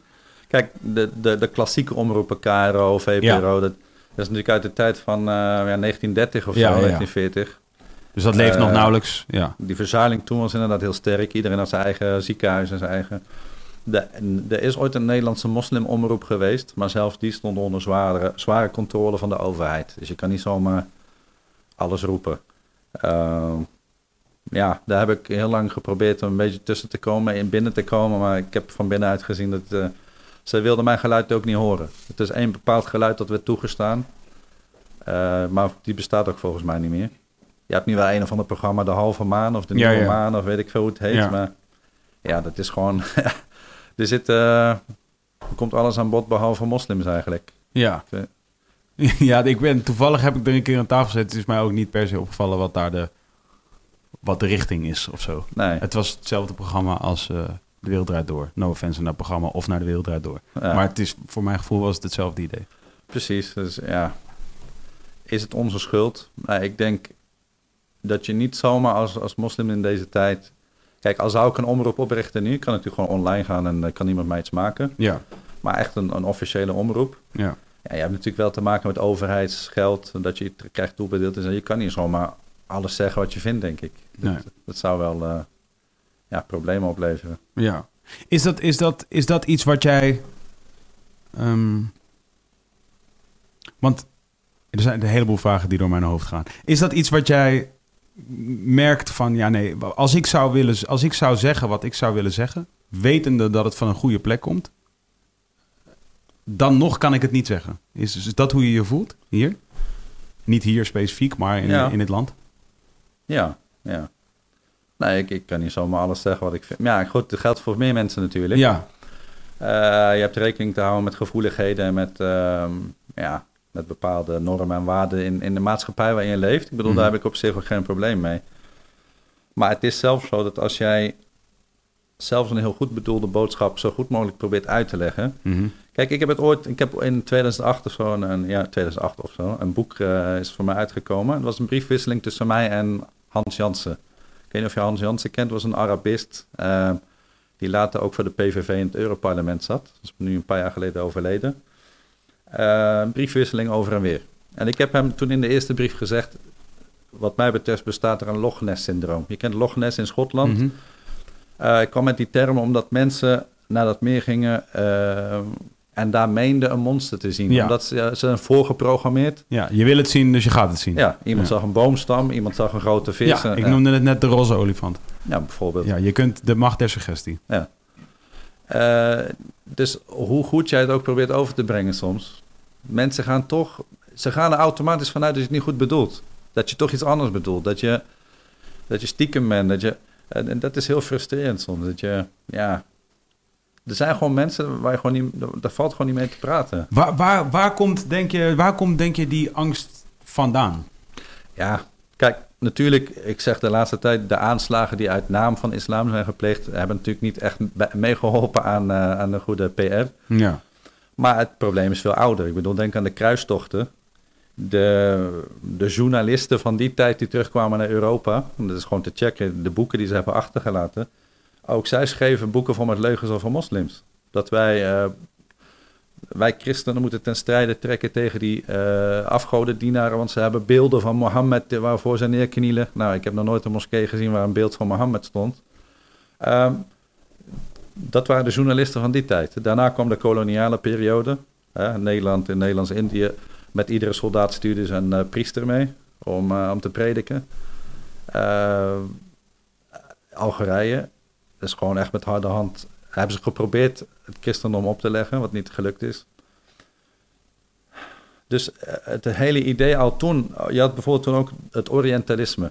Dus de studie van de Oriënt. Hè? Dus Mhm. eh, pakweg 100 jaar geleden was dat ja, een hele exotische wereld voor veel Europeanen. Daar hadden ze allerlei voorstellingen hè, van, van de halfnaakte vrouw met een sluier voor haar gezicht. Die staat te buikdansen, zeg maar. Ehm, als je bijvoorbeeld de schilderijen bekijkt uit die tijd van de Europeanen. En ook de onderzoeken leest van ja, de deskundigen in die tijd. Er wordt wel een bepaald beeld geschetst wat helemaal niet overeenkomt met de werkelijkheid. Maar dat gewoon... Dus, dus dat beeld, die, die, die onwetendheid is altijd al, denk ik, in leven gehouden. Door mensen ook vaak met een agenda. En soms natuurlijk ook gewoon, ja, dat het gewoon- leuk is om een beetje spanning te veroorzaken Mhm. of zo. Maar het is, ik zeg niet dat het is veroorzaakt door, kijk, eh, ik weet nog, toen ik net moslim was, was net een beetje het communisme aan het vallen. Of net gevallen. eh, en ik kan me nog herinneren als, als jonge jongen dat ik een interview las met Willy Klaas. Dat was een eh, leider van de NAVO in die tijd. Die zei toen gewoon letterlijk, het rode gevaar is gevallen Mhm. en nu gaan we het groene gevaar bestrijden, de islam. Terwijl in die tijd waren er nog, nog geen aanslagen geweest in Europa, in Amerika. En, Ja. Ehm, dat is gewoon openlijk. Ik heb helaas het krantenartikel niet meer, maar het zit wel in mijn hoofd. Eh, ja. Dus een deel. En een deel, ik bedoel, ik, ik, kijk ook, ik steek ook hand in eigen boezem. Eh, wij moslims, als wij in Europa werkelijk zoveel mogelijk hadden geprobeerd te leven vanuit het voorbeeld van de profeet Mohammed, dan hadden wij lang niet zo'n slecht imago gehad. Kijk, natuurlijk, mensen blijven mensen. Ze maken Ja. altijd fouten. Niemand is een, een engel. En dat is ook iets wat profeet Mohammed zelfs heeft benadrukt. Iedereen maakt fouten, maar de beste van degenen die fouten maken zijn degenen die berouw tonen. Maar kijk, ik kan niet ontkennen bijvoorbeeld dat er een probleem is met veel Marokkaanse jongeren. Maar ja, dat hij dan als moslim voor, voor de... Ja, ja, ja, ik snap dat Dat is de, de frame weer. ja, kijk, maar dan, dan, dan, denk, dan denk je dus van... eh, Oké, jongens vallen, eh, meisjes lastig. Noemen ze allerlei namen.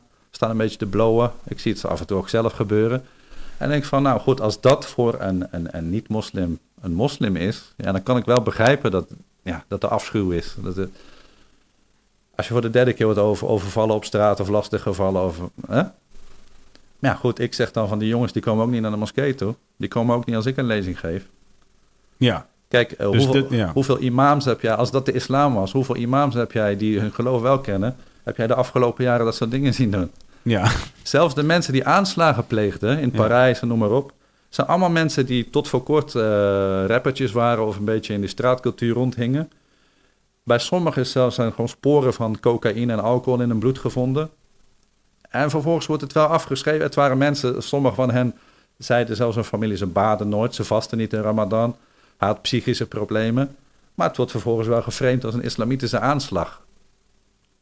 En eh, ja, dan heb je natuurlijk wel, ja, het, snap je wat ik bedoel? ja. Jij hebt zelf ook meegedaan aan eh, 24 uur met. Klopt, ja. Je had het net even over, over, over journalisten en dat er rotzakken eh, tussen zitten. Hoe, hoe, hoe ervaarde je dat? Hoe ervaarde je dat? Wa- Wanneer was je daar? Ja, misschien al wel twee jaar geleden of zo. Ja, precies. Maar Ja. goed, dat is wel op, eh, dat is nu, praktisch nu. Ja, ja. Toch? Dus Ja, sinds dat- die tijd, eh zoveel is er niet veranderd.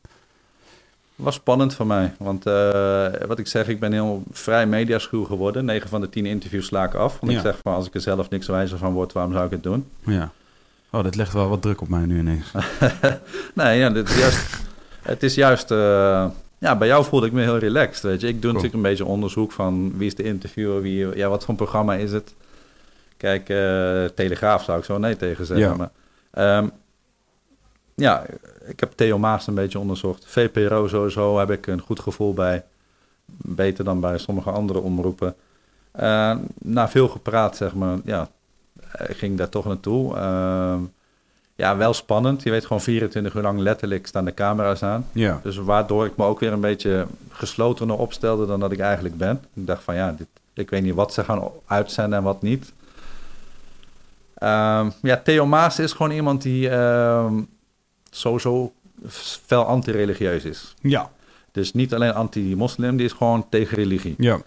Eh, Maakt, dat het, maakt dat het voor jou een, eigenlijk een dankbaarder gesprek? Nou, eh, eh, het had een heel mooi gesprek kunnen worden. Maar hij, hij was eigenlijk de fundamentalist daar. Die maar bleef hameren op geloof, geloof, geloof, geloof. Tot ik er eigenlijk helemaal moe van werd. En, dan, en een beetje zoiets van, van ja, doei, weet je. Ik, Ja. ja, en ik had geen, je mocht geen tijd hebben. Wanneer is de tijd voorbij? Ehm, er zijn, er zijn ook een mooie Heb gesprekken. je, het, heb je trouwens gebeden daarbinnen? Ja, ja, ja. ja. op de gok? Nee, dat was dus het enige. Ik mocht niet weten hoe laat het was, maar ik zei van ja, ik moet wel vijf keer per dag bidden. Ja.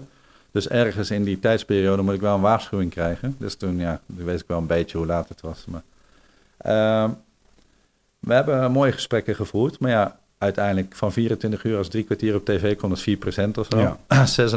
96% ligt in de prullenbak. Dat is wel jammer, maar ik snap het. Eh, Theo Maas heeft later heeft hij mij gebeld van... eh, ja, sorry man, eh, weet je, ik heb gehoord dat je een beetje rot voelde. En ja, ik ging toch met een rotgevoel weg, zeg maar. Hij, jij of hij? Ik, Oh, jij. ik. Ja, ik had het toch zeg maar positiever verwacht, maar hij bleef mijn hamer op geloven. Ja. Eh, uiteindelijk hebben we nog vaker contact gehad. Ja. Eh, heb ik zelfs voorgesteld van zullen we niet een theatershow maken van jij als atheïst en ik als moslim. En dan zag hij op zich wel iets in. Alleen, ja, ik denk gewoon praktisch. wat ik zeg, hij is de fundamentalist een beetje. Ja. Het is Eh. grappig dat je dit zegt. Dus twee dingen namelijk. Eigenlijk de reden dat ik het vraag... is dat... terwijl ik nadacht over dit gesprek wat wij gingen voeren... dacht ik van oké... ik, mm, wat zijn de vragen die van mij verwacht worden... die ik stel? Begrijp je wat ik bedoel? Ja. Ehm, eh, nu ben ik helemaal niet... ik ben helemaal niet anti-religie. Eh, tegenovergesteld zou ik zeggen. Ik, ik, ben- ja, ja, ik ben pro. Ik zou zeggen dat ik pro ben. Ja. Niet per se pro-islam of, of, of pro een andere specifieke religie. Maar ik ben in ieder geval pro geloven in iets groters dan jouzelf. Ja. Dat is, laat ik zeggen, laat ik zeggen dat ik daar eh, het meest pro van ben. En ook geloof ik inderdaad wat jij toen straks zei over hè, boeddhisme. eh, laat ik zeggen, rituelen geloof ik, eh, geloof ik dat die heel belangrijk zijn. En bepaalde regelmatig die je, die je daardoor in je leven aanbrengt, geloof ik dat heel erg belangrijk is. Een bepaalde dankbaarheid die in elk geloof zit. De, de- inderdaad, de liefde die, die altijd eigenlijk in de kern in ieder geloof zit. Een bepaalde soort eh, erkenning van goedheid. Ja. Dat soort dingen zijn allemaal elementen waar ik heel erg in geloof. Dus ik heb er helemaal niet zoveel problemen mee. Maar nu even terug naar waarvan ik dacht van... oké, ik probeer nou altijd zo min mogelijk voor te bereiden... überhaupt voor deze gesprekken. Omdat, ik, Mm. omdat daarmee loop ik meestal de frame in. Ja. Hè, zodra, zodra ik ga lezen over een persoon die aan tafel schuift... weet ik allemaal dingen die anderen mij verteld hebben... in plaats van eh, hoe ik zo tegenover jou zit. Ja. Ehm, ehm, maar goed, ik wist wel het verhaal wat eh, P had verklapt. is van, hè, jij, bent, eh, jij bent islamgeleerde imam en je bent, je bent op je veertiende bekeerd. Nou, dat is genoeg. Dat is een verhaal al, toch? Vanaf daar kunnen we beginnen. Dit is interessant. En nu toevallig kwam dan ook nog de zegening van, van, van Joram Ja. eh eh, eh, eergisteren, waardoor het ineens helemaal een urgent verhaal werd. Maar ik zat wel na te denken over die vragen. En wat ik denk is dat, dat Theo Maassen bijvoorbeeld echt de druk van het volk voelt. Mm. En eigenlijk zichzelf niet meer durft te zijn. Niet meer gewoon durft te zijn met jou als een persoon die hij gewoon is. Ja. Bij wijze van spreken. En, want een interessanter experiment zou zijn geweest, wellicht. Wat gebeurt er als je gewoon 24 uur met jou bent... Ja. En het hele geloof eigenlijk laat voor wat het is. Waarover ik bijvoorbeeld al wel eens heb gefantaseerd... omdat ik eh, heel graag Thierry Baudet hier bijvoorbeeld wilde hebben eigenlijk. Mm. En nog steeds op zich wel, maar ja, het lijkt er niet echt te gebeuren. Plus ik heb toch het gevoel nu alweer dat hij zijn momentum kwijt is. Hopelijk. En, ehm, ehm, ehm, maar dan dacht ik ook heel erg van... ja, dat lijkt me heel leuk om dan hier te hebben... en dan eigenlijk soort de elephant in the room niet te adressen. Snap je? Om gewoon met hem 2,5 uur of 2 uur te praten over... eh koetje kalfjes. Kijken waar dat heen gaat. Ja. Kijk, iedere mens is op zich interessant. Maar Ja. ik, ik, ik, ik vind wel jouw, jouw benadering is op zich goed. Dan heb je een open gesprek en eh, zie je de mens die voor je zit. Mhm. En ik heb ook geleerd in het leven. Kijk, bijvoorbeeld, in, in- ik ben ooit in Manchester in een buurthuis tegen een heroïnehoedje aangelopen. Mhm. Eh, vervolgens vroeg ik aan de kleren van het lijf. Eh, niet Ja, ja, ja. leuke woordspeling. Eh, maar ik heb echt gewoon drie uur lang met die vrouw zitten praten. Ja. Weet je? Kijk, je kan zeggen van, nou ja, of een heroïnehoertje. Maar echt, ik geloof dat van, van iedere... Ik, ik kan zelfs leren van dieren. Als je Mhm. dieren observeert en eh, Ja. de natuur. Hè? Ja, sowieso. Ik ben opgevoed eh, door mijn hond, in zekere zin. Aziz is hier eh, getuige van geweest. Ja. ja, dus...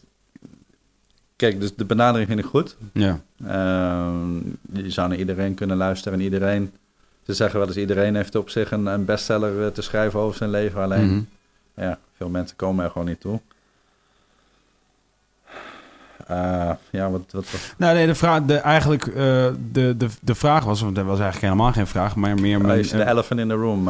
ja, de elephant in the room. Kijk, sowieso heb ik helemaal geen moeite met het adressen van de elephant in the room. Alleen waar ik wel moeite mee heb, is de, is de vragen stellen waarvan ik denk, ja, dat zijn helemaal geen vragen die ik eigenlijk vanuit mijzelf per se wil stellen. ja. Ehm, eh, zoals dus de vragen die, eh, laat ik zeggen, waarvan ik voor mijn gevoel een Theo Maassen dan wel dus inge, inge, ingeluisterd is om te, om te stellen, denk Ja, ik. ja. Want hij heeft namelijk aangevraagd, ja, ben je nou vind je, acht je jezelf e- extremist bijvoorbeeld? Heeft hij dat gevraagd? Iets, iets along that line? Nou ja, iets wat erop lijkt. Natuurlijk in 24 uur tijd. Kijk, maar ik denk ook dat het onmogelijk is om de elephant in the room niet eh, aan... te- Ja, als je ik 24 bedoel, uur met elkaar op een scheep zit, is ja. Kijk, waar heb ik het met een heroïnehoedje over? Het is niet over voetbal. Nee. Ik heb het erover van, goh, hoe komt het? En, eh, ja, hoe ben je daar gekomen? Ja. Ja, weet je. Eh, Dat is automatisch. Dat wat speelt in het leven van een persoon komt toch wel te sprake. ja. Maar ik vind wel heel goed je open benadering. eh. Ja, nou ja, waarom ik het eigenlijk zeg is ook omdat ik tegelijkertijd er wel over twijfel. Dat, dat durf ik je ook zo te zeggen. Ik twijfel er ook over. Omdat ik tegelijkertijd denk, ja, maar wil ik het niet zelf wel eigenlijk toch weten? Wil ik niet eigenlijk toch weten? eh, ehm, eh, ja, je zit in de knoop, joh. ja, en ik zit, ik, ik, zit, nee, ik zit niet per se in de knoop met mijzelf. Ik, daar, daar ben ik allemaal helemaal oké mee. En eigenlijk dit hele format van dit ding ook. Maar wat ik niet, wat, wat ik, wat ik, wat ik niet, waar ik niet van hou, is om toe te geven aan peer pressure. Ja. Eh, ja. en, waar ik niet, en waar ik niet van hou, is vragen naar de bekende weg. Ja. En laat ik zeggen, te proberen om te zorgen dat jij bij wijze van spreken zou gaan stotteren en niet meer weet wat je moet zeggen. Ja. Dat, dat, en dat, voor mijn gevoel is dat een van de dingen die altijd worden opgezocht. Specifiek met mensen die zich, laat ik zeggen, uitgesproken opstellen ten aanzien van bepaalde onderwerpen of in het kader van dat wat zij aanhangen. Of dat nou iemand is die ehm, vooral moslim is, of, eh, eh, of iemand die eh, heel duidelijk uitgesproken pro homoseksualiteit is. Ja. Noem maar wat. Ehm, eh, dan zijn er altijd de makkelijke, de, de makkelijke wegen om, om die persoon, laat ik zeggen, pro- te proberen om die persoon schaakmat te zetten. Dat vind ik altijd heel vervelend om te doen. Ja. Tegelijkertijd ehm, eh, kreeg ik wel dus bijvoorbeeld, ik krijg altijd wel, eh Vinette die hier zit stuurt me altijd een soort klein, klein mailtje met wat feiten. Hmm. En daar staat dan, vond ik meteen wel weer heel interessant, stond wel in van de inlichtingendiensten eh, die jou in de gaten hebben gehouden, doen ze dat nog steeds? Nou, als stel je vraag is, dan... Oké. ja. Ehm, eh, die, ehm, eh, die zeggen wel dat jij eh, ja, neigt naar extremisme. Hmm. Nu had ik hier eh, aan het begin van dit seizoen podcasting Naomi Pieter van Kick-Out Zwarte Piet, die door de inlichting, inlichtingendiensten ook als dusdanig wordt bestempeld. Ja. Hele andere kwestie, Ja. eh, maar wordt als dusdanig bestempeld. Hoe kijk jij daar in het algemeen tegenaan? Ik bedoel, even nog los van of ik bedoel, je gaat hier nu niet, zeggen, niet, niet tegen mij zeggen, ja, ja, nee, klopt, ik ben extremistisch. Maar hoe kijk jij aan tegen het feit dat jij wordt, ge, dat jij wordt één, dat jij ooit in de gaten bent gehouden of nog steeds in de gaten wordt gehouden? En twee, wat, wat beschouw jij als extremisme überhaupt? ja. Mag ik allereerst iets zeggen over peer pressure? Hè? Zeker. Ehm, kijk, iedere persoon heeft daar op, in zijn groep mee te maken. Ik zelf als, als moslimprediker Mhm. moet bijvoorbeeld ook uitkijken dat ik niet zeg wat mijn achterban wil horen. Ja. Ik moet zeggen wat ik denk dat juist is. En daar hebben bijvoorbeeld sommige moslimpredikers en imams moeite mee. Dat ze voelen van, ja, maar mijn achterban verwacht een bepaald beeld van mij. Ik probeer altijd mezelf zo eerlijk mogelijk tegenover mezelf te zijn. Tegenover Allah. Kan ik dit verantwoorden tegenover Allah, wat ik nu zeg? Al zijn, en ik heb echt de houding van, al, al, al valt heel mijn achterban weg, al weet ik veel. Zij zijn niet degene die mij beoordelen op de dag des oordeels. Kijk, dus ik probeer mezelf wel constant af te vragen: doe ik dit omdat het van mij verwacht wordt? Dan heb ik die mening. Kijk, ik zei er straks over muziek. Ja? Ik heb de mening dat muziek op zich eh, niet verboden is. Ik weet dat het een hele hoop eh, boze reacties op gaat leveren, leveren van, van andere moslims. Mhm. Maar goed, ik, ik, ik, ik weet wat ik zeg en ik weet waarom ik het zeg. En dat is mijn mening. Hè? Eh, dat is één ding, peer pressure. Dus ja, iedereen heeft op in zijn groep daarmee te maken. En nou ben ik eigenlijk jouw hele interessante vraag vergeten. Ehm, eh, even kijken. Wat is extremisme? Oh ja. En ehm, Hoe eh, kijk je er Hoe tegenaan? kijk je er tegenaan dat jij eh, door inlichtingendiensten in de gaten bent gehouden of misschien nog wel wordt gehouden? Dat weet ik ook niet. Goed, wat is extremisme? Ehm, kijk, extremisme, specifiek dit woord, is zelfs al door onze profeet Mohammed genoemd en veroordeeld. En hij heeft ook veel voorbeelden gegeven. Extremisme is voor mij dat je doorschiet voorbij de leiding van de profeet. Dat je fanatieker en, en, en ja, probeert te zijn dan dat hij eigenlijk was. Mhm. Ehm, extremisme is dat jij geleid wordt door haat in plaats van door de richtlijnen van jouw profeet. Ehm, extremisme is voor mij dus dat jij grenzen overschrijdt die Allah voor jou heeft gesteld. En een voorbeeld van mij is het opblazen van eh, ja, eh, onschuldig winkelpubliek bijvoorbeeld. Hè. Dat is, ja. Ehm, hoe kijk ik tegenover het feit dat de inlichtingendiensten mij in de gaten hebben gehouden en Mhm. misschien nog steeds houden? Kijk, allereerst, zij vertegenwoordigen een overheid die Afghanistan is binnengevallen met een leger, Irak is binnengevallen met een leger, Mauritanië is binnengevallen met een leger. Eh, actief deelnemen aan de NAVO, die de afgelopen 20 jaar 2 miljoen moslimslachtoffers hebben gemaakt. Eh excusez-moi, maar ik vind het niet zo heel eh, interessant als dat soort extremisten mij een extremist noemen. Ja. Dat is één ding. Ik ben niet Mhm. echt onder de indruk als ik... eh, Eh, Want min, min maal min is plus. ja, ik bedoel, wie, wie is degene die oordeelt? Ja, weet je? Dat, dat is één ding. Dus daar haal ik een beetje mijn schouders over op. Maar ik heb inderdaad, ja... Jarenlang ben ik echt actief in de gaten gehouden. Dat ik ook gewoon echt daarvan weet. Ehm, momenteel, ja, wordt er vast nog wel een beetje op me gelet. Maar ze weten dat ik bijvoorbeeld uitspraken heb gedaan tegen IS. Of bepaalde acties van IS. Dat ik uitspraken heb gedaan openlijk, bijvoorbeeld tegen aanslagen die ze hebben plaatsgevonden, zoals in Parijs. En dat hebben ze ook letterlijk tegen mij gezegd. Van ja, we weten dat jij wat dat betreft eh, heb je goede invloed. Maar ja, eh, wat, wat betreft de integratie van moslims en zo, eigenlijk eh, ga je tegen het overheidsbeleid in. Oké, dat is interessant. Wel. Dat In zei, zin- dat zei ooit een AIVD-agent letterlijk tegen Ja. me. Ja, en daar zei ik ook gewoon van, ja, weet je, daar kan ik niks aan doen. Ik, ik zeg niet wat jullie willen horen. Ik zeg wat ik denk dat goed is. En Ja. De ene keer is misschien een tegenstrijd met jullie Ja. en de andere Hoe, keer... hoe, hoe sta jij daarin? Vind jij dat, vind jij dat ook?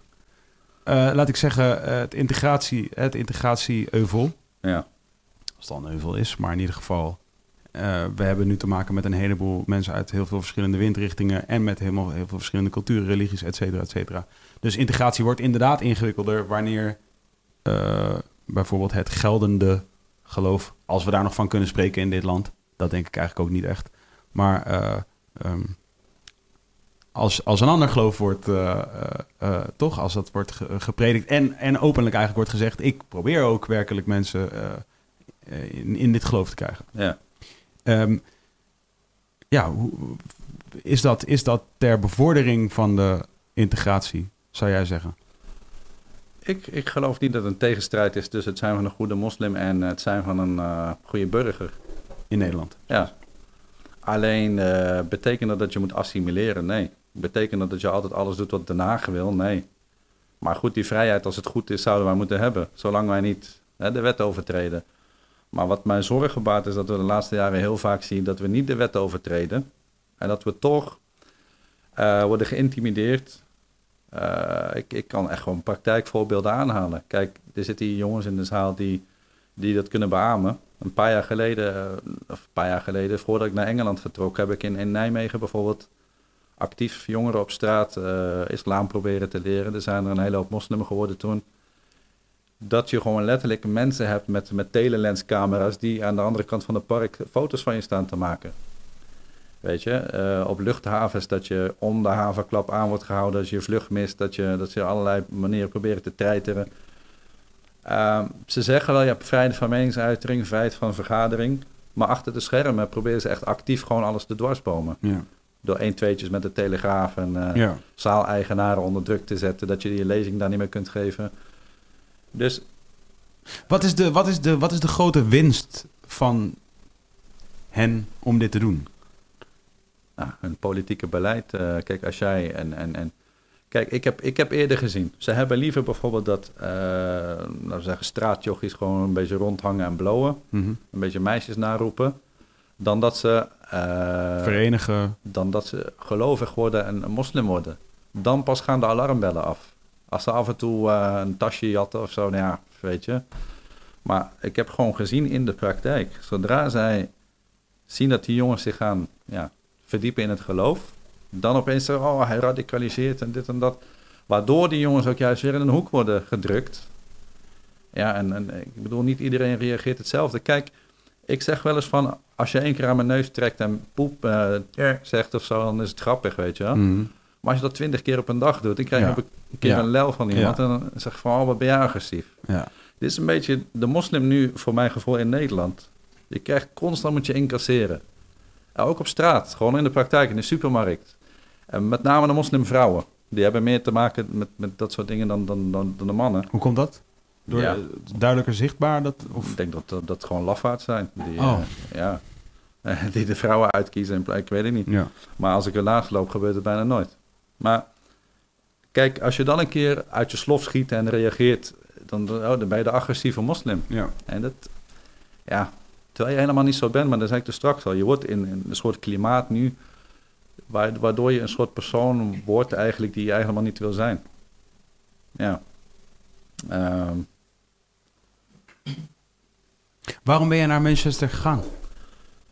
Eh, heel simpel, eh, een simpele reden. Mijn vrouw woonde daar, studeerde daar en die, ja, die heb ik gehuwd en eh, ze kon niet weg daar. Dus ik ben daar gebleven. Mijn kinderen zijn daar toen geboren, getogen. Op zich voelde ik me daar echt wel relaxed. Was zij een, een Engelse? Nee, ze is, komt uit het Midden-Oosten, alleen ze, ja, ze studeerde daar. Oh ja.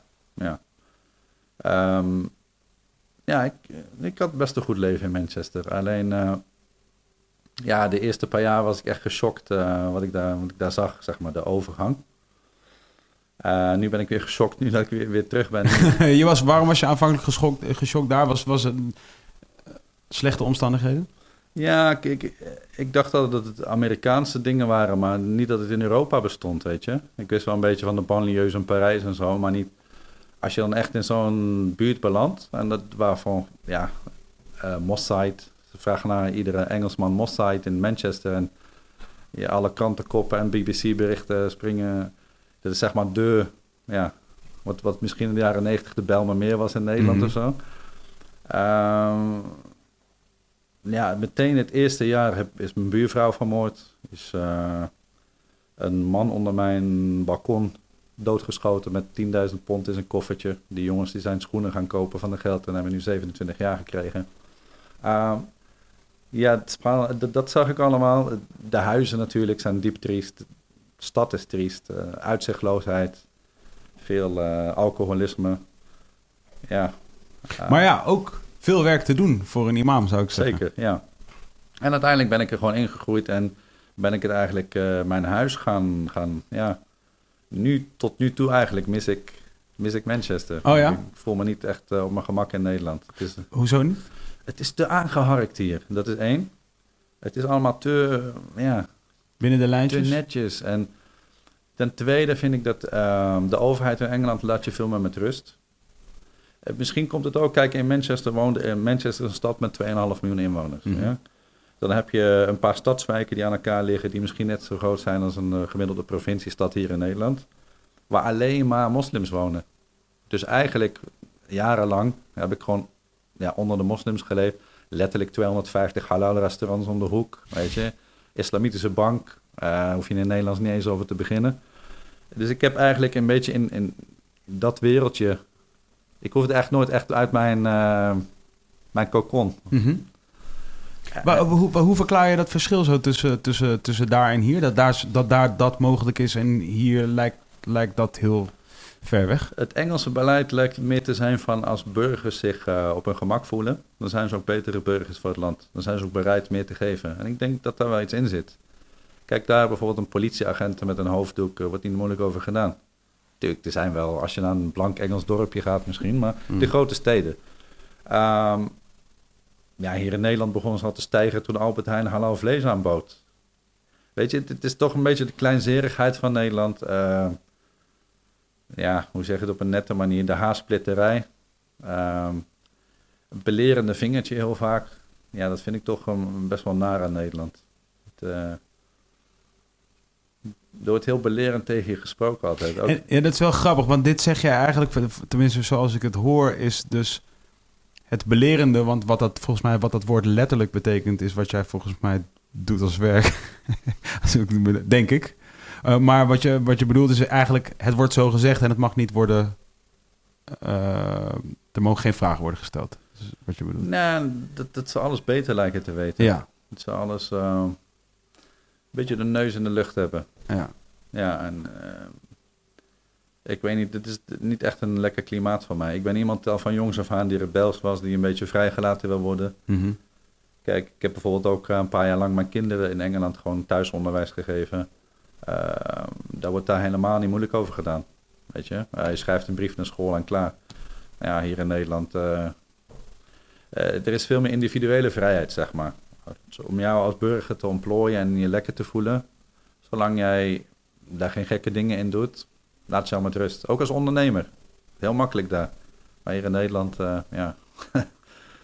je hebt echt eh, met zoveel regeltjes en papieren te maken. En als je dit niet op tijd doet, dan eh, kom je in de problemen. En alle instanties die versnipperd zijn. En het is echt gewoon heel verwarrend voor mij om terug te zijn hier. Ja, Ben, je, ben je van plan om hier te blijven? ja dat weet ik nog niet. Ik, ik probeer er het beste van te maken hier. Maar tot nu toe zit het veel tegen. Maar je bent, hier, je bent hier pas net, toch? Ja, drie maanden, ja. Ja. ja. Dat is wel kort om te vinden dat, dat het tegen zit, als je begrijpt. Dan moet er al wel het een... mijn moeder ook, ja. Ja, toch? Ja, ja. Maar ja, hoeveel, hoeveel meer moet je verduren voordat je... Kijk, ik kan natuurlijk niet open zijn over, over alles. Oh ja. Je hebt nu al, je hebt nu al bepaalde dingen meegemaakt. Op de, de, de dingen waarover wij gesproken hebben, die heb je nu in de afgelopen drie maanden al meteen ervaren. Ja, waarvan je denkt van waarom zou ik dit allemaal moeten doorstaan terwijl ik gewoon zo terug kan. Weet je, nog wel.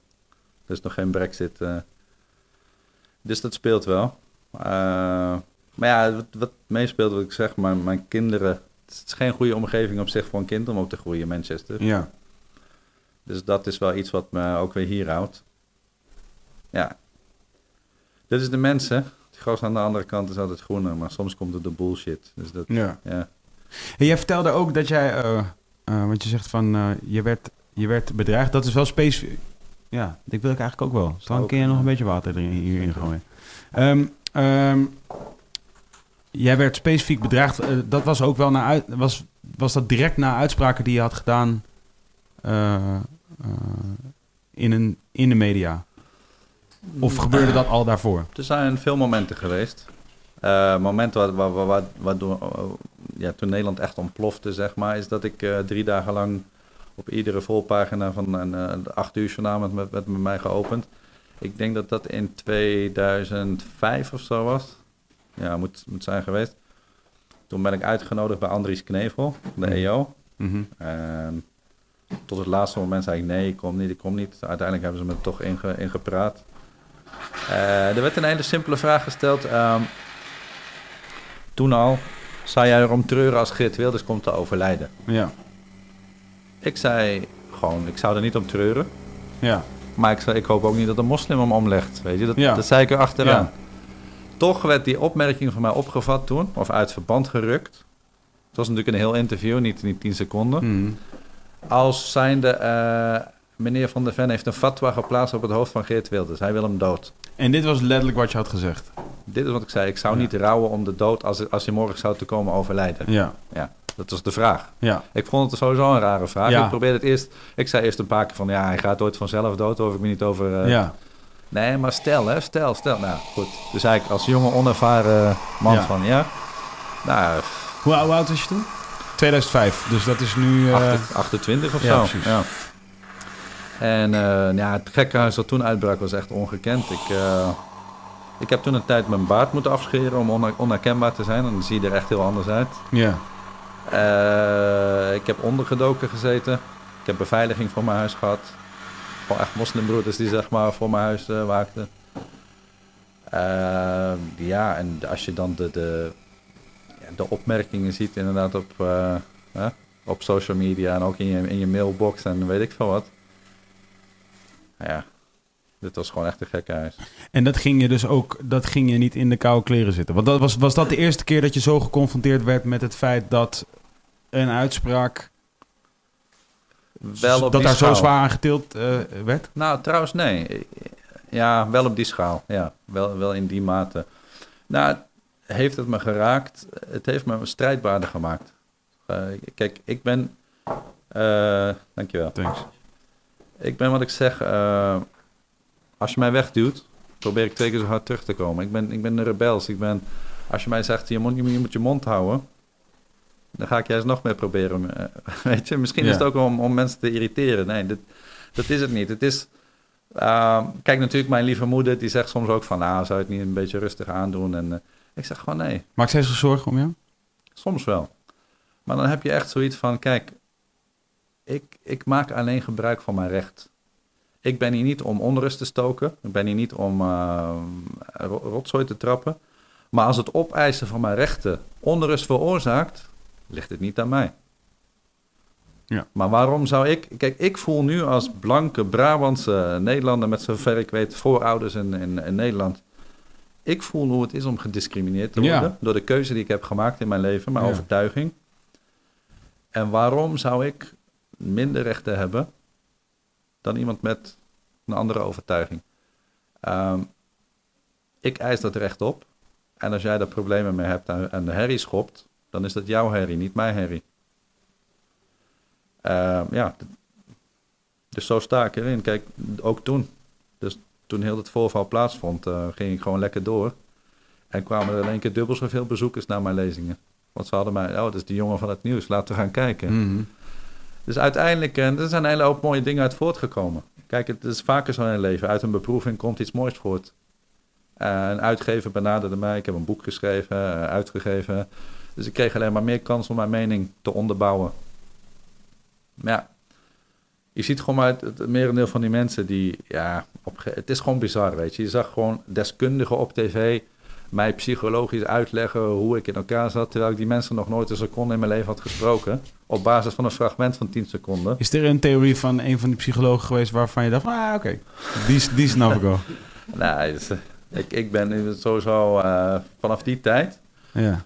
ben ik echt media moe geworden. En, en heb ik ook, kijk, je zei toen straks, ik kijk al, eh, ik kijk nooit het nieuws. Nee. Dat heb ik ook al jaren. Dat ik, tuurlijk, ik, ik ben niet dom. Ik, ik kijk de documentaires die ik interessant vind. Ik lees de boeken die ik goed vind. Ja. Eh, dus ik ben niet wereldvreemd. Maar ik kies wel mijn eigen nieuws uit. Ja. Ja. Eh, ik laat me niet meer zomaar voorkomen wat... eh, ja, net zoiets als columns, weet je. Columns in de krant. Dan denk ik van, het is toch gewoon 9 van de 10 keer... is gewoon geleuter van mensen die een deadline moeten halen... en die iets op papier moeten krijgen. Waarom zou ik me interesseren in jouw mening? Wie ben jij? Ja. Weet je, en dan vervolgens mijn eigen druk gaan maken om jouw mening. Ja. Nee, ik, de, die snap ik ook nog steeds niet helemaal. Nee. Eh, hoe, hoe heet die man? Hoe heet die man? ehm, hoe heet die popguy van de Wereld Door weer? Die popjournalist of die po- het soort pop. eh, hoe heet hij nou? Ik vind het, dat weet jij wel. Hoe heet die, hoe heet die vent? Nico Dijkshoorn. Ja. Nico Dijkshoorn, ja. Ja. Dat was laatst, laatst had hij weer een soort van over hip Wat had hij over hip hop? Had hij? Hè? Oh, Ronnie, ja, ja, ja, over de popprijs van Ronnie, ja, jezus. Nou, en dan krijg je dus, dan krijg je dus eh, ehm, eh, gewoon nog werkelijk dat ik gewoon mensen om mij heen heb die daar, die, die daar dan nog wel over willen praten. En dat een man van, ik weet niet, een jaar of 60 of misschien wel 60 plus of zo, dan niet snapt, dan soort vindt dat Ronnie Flex zijn teksten niet op het niveau zijn van Bob Dylan. Dat je denkt, gewoon, wauw, dat is wel heftig hoor. Dat je gewoon nog wel de tijd wil nemen om, dat, om die mening te ventileren. En dat er dus inderdaad, dat het alsnog ook wel een breed gedragen mening eh, wordt. Vind Ja, ik ook best, wel. best wel sick. Ja. Maar, maar ehm, ehm, eh, jij- jouw, jouw, eh, jouw moeder, je zegt net van ja, moeder maakt zich nog wel zorgen. En, eh, Dat kan ik me best wel voorstellen. En het best wel gek lijkt mij. Want mijn moeder heeft mij wel eens verteld dat vanaf het moment dat eh, mijn zus is ouder dan ik. Vanaf het moment dat mijn zus werd geboren, maar ook wel ik daarna. ehm, dat zij racisme begreep. Laat ik zeggen dat zij het voelde omdat zij eh, eh, gekleurde kinderen had Ja. voelde zij zich in die zin gekleurd. Weet je, omdat die band zo sterk is dat je, whatever voor gevoel daarbij is, dat je dat dan voelt. Mhm. Dat, tenminste, zo heeft zij het wel eens uitgelegd. Dat kan ze natuurlijk eigenlijk niet weten, maar oké. Wel lief bedoeld. En ehm, ehm, ik kan me voorstellen dat jouw moeder dat ook zo wel een beetje heeft. En dan zeg jij, jij hebt ervoor gekozen. Hè, dus, jij, dus dat zijn de consequenties. Maar zij heeft er natuurlijk niet in die, in die zin niet voor gekozen. Hoe, hoe is zij daaronder? Hoe is zij onder mijn, mijn bekering?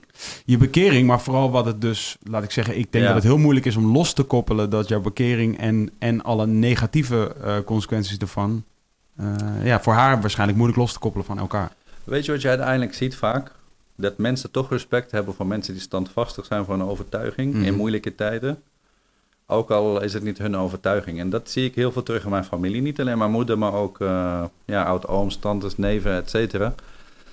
Dat, dat ze dat ook uitspreken van uh, diep respect, man. Dat je in deze tijd nog je recht, rug kunt houden en gewoon staat voor wat je staat. En dat toch wel respect oproept bij mensen. En uh, ik heb eigenlijk niemand in de familie die, ja, die mij heeft afgestoten. Tenminste, Mhm. niet openlijk. Uh, niet dat ik weet. Uh, ja, wat ik zeg, er zijn natuurlijk een hele hoop positieve kanten. Ze weet dat ik uh, mezelf niet klemzuip op een zaterdagavond. Ja, ja. Ze weet dat, dat is ik... fijn. Dat weet mijn moeder absoluut niet. Nee, Snap je wat ik bedoel? Ja. Kijk, ja, je weet wat je hebt aan een religieuze moslim op zich. Dat hij altijd eerlijk probeert te zijn Ja. en ja, alle goede dingen. Dat ziet mijn familie wel in. Ik heb ooit zelfs een, een oom gehad, die stond uh, op een familiefeestje en stond hij met een pilsje half aangeschoten. Zei hij, weet je wat ik echt goed vind in jullie geloof? dat jullie niet mogen drinken. dus dat soort, uh, ja. Maar jij zegt net zelf wel van, ja, ik weet nu, ik weet nu dat ik bij, ik heb bij keuze, be, be, bevind ik mij nu in een situatie waarin ik weet hoe het is om gediscrimineerd te, Ja. te worden. Wat, Ja. wat, wat, wat, heel, ge- eigenlijk heel gek is. Het is bijna, staat het heel erg haaks op wat we nu scharen onder, hè, als we het hebben over discriminatie, dan dat is bijna inherent aan racisme, zeg maar. ja. En ehm, ja, dat gaat over uiterlijk, uiterlijke kenmerken. En dan zeg je wel baard, maar ja, goed, die schoor je dus af om Mm. niet herkend te worden. Mm. Dat, dat is een optie die, laat ik zeggen, gekleurde mensen in ieder geval niet hebben. Is zo. Ehm, ehm, maar maar, maar dat, dat gevoel wat je daarbij hebt, dat kan ik me voorstellen voor de mensen om jou heen, is dat, is dat, eh, is dat nog iets, omdat het helemaal niet in hun handen ligt. Dus zij voelen zich wellicht nog dieper gediscrimineerd bijna. Begrijp je wat ik bedoel? Omdat zij kunnen niet bepalen voor jou dat jij je baard moet afscheren of dat jij eh, hè, niet openlijk moslim moet zijn bijvoorbeeld. Klopt. Maar het heeft, het heeft er wel toe geleid dat ze zijn in gaan zien hoe de media en de politiek werken. Ik heb bijvoorbeeld mijn vader, die is nu overleden. Maar toen dat gebeurde, bijvoorbeeld bij Andries Knevel, heeft hij echt gewoon... Tot die tijd dat hij had vertrouwen zeg maar, in de politiek en dat hij een bepaalde partij waar hij op stemde en zo. Vanaf dat moment heeft hij echt gewoon Oh ja? politiek vervloekt. Hij zei, dat zijn allemaal gewoon eh stelletje hypocrieten die eh, ja, gewoon eh, ja, hun stemmen zeg maar, proberen te behouden koste wat kost, al, moeten ze daarvoor hun principes opgeven. Ehm, dus ze zien ook de andere kant van hem. Dit heeft zeg maar hen wel dingen laten zien die, ja, die mensen niet zouden zien als ze zo dichtbij me, niet zo dichtbij me hadden gestaan.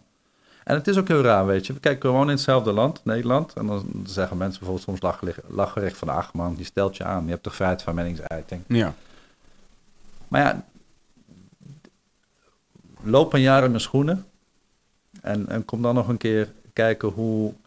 ehm, kijk, zij gaan ervan. Er zijn nog steeds mensen die er heilig van overtuigd dat Den Haag het beste met ons voor heeft. En dat het allemaal eh, overdreven is wat we zeggen. En, eh, ja, mensen kunnen zich soms niet voorstellen dat je in één en hetzelfde land woont. En eigenlijk ook nog Nederlander bent, blank bent. Maar toch eh, heel anders wordt bejegend vaak. En ik probeer er wel trouwens over te waken dat ik nooit de slachtofferrol induik en dat ik eh, alles op racisme of discriminatie afschuif, dat niet. Maar soms is het gewoon nou overduidelijk. Kijk, dat. eh, ja. En dan. dan, wat, wat ik zeg, dan, kun je wel. Je, je kan geen beroep altijd doen op. eh, ja, ik zit een beetje vast, maar. Snap je wat ik bedoel? Ja. Nou, Maar- nou, nou kan ik me, als we het nu over politiek hebben, jij zei net al van, hè, soms word je, word je een soort ges- gesteund door goed nieuws. Eh, ehm, dus de PVV Joram van Klaver heet hij. Ja. Ehm,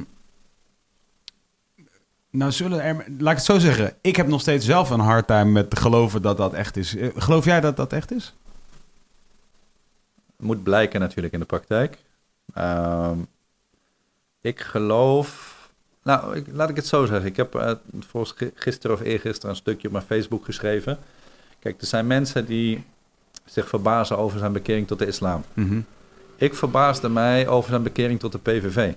Waarom? Ik heb hem ontmoet voor die tijd. Hij deed religiewetenschappen, hij heeft mij toen geïnterviewd. Eh, oh, is dit, eh, ja, echt waar? Ja, ja. Eh, Hoe lang is dit geleden? Dit moet eh, ja, misschien 2005 of zo. Ik gok maar iets rond die tijd. Eh, nee, ik denk eerder misschien. En Ik zag toen een hele aardige, nette jongen. Ja. Die ook echt wel eh, interesse had in religie en zo. Anders had hij ook geen religiewetenschappen gedaan. En toen ik hem voor het eerst op tv zag bij de PVV, dacht ik echt van, nee, daar hoor je helemaal niet thuis, man. Wat, heel raar. Waarom niet? Wa- wa- Wat, wat aan hem vond jij niet stroken met een PVV'er? Hij was te beschaafd en te lief en te, te geïnteresseerd, zeg maar, in mij als moslim destijds. Om, ja. Dus ik verbaas me nu niet dat hij, en ik mag ook niet zeggen vanuit mijn geloof van, eh, er zit iets achter of zo. Ik moet hem accepteren als broeder. Ja, precies. Ik geloof dat het echt is. Ja. Ik hoop dat het echt is. Dat, het, geen, eh, ja, dat het niet later blijkt dat het een of andere stunt was. Ja. Zou niet de eerste keer zijn. Ja. Maar ik, eh, nee, ik geloof wel dat hij oprecht is. Ik heb zijn interview gezien. Ehm, ja, ook de beweegredenen. Het is echt, Ja. ook gewoon echt van theologische aard. Het is niet zo van, eh, ik heb een leuk moslimmeisje leren kennen. En, eh, ja. Ja, want hij is... Hij is had je het er hierbij gepakt dan?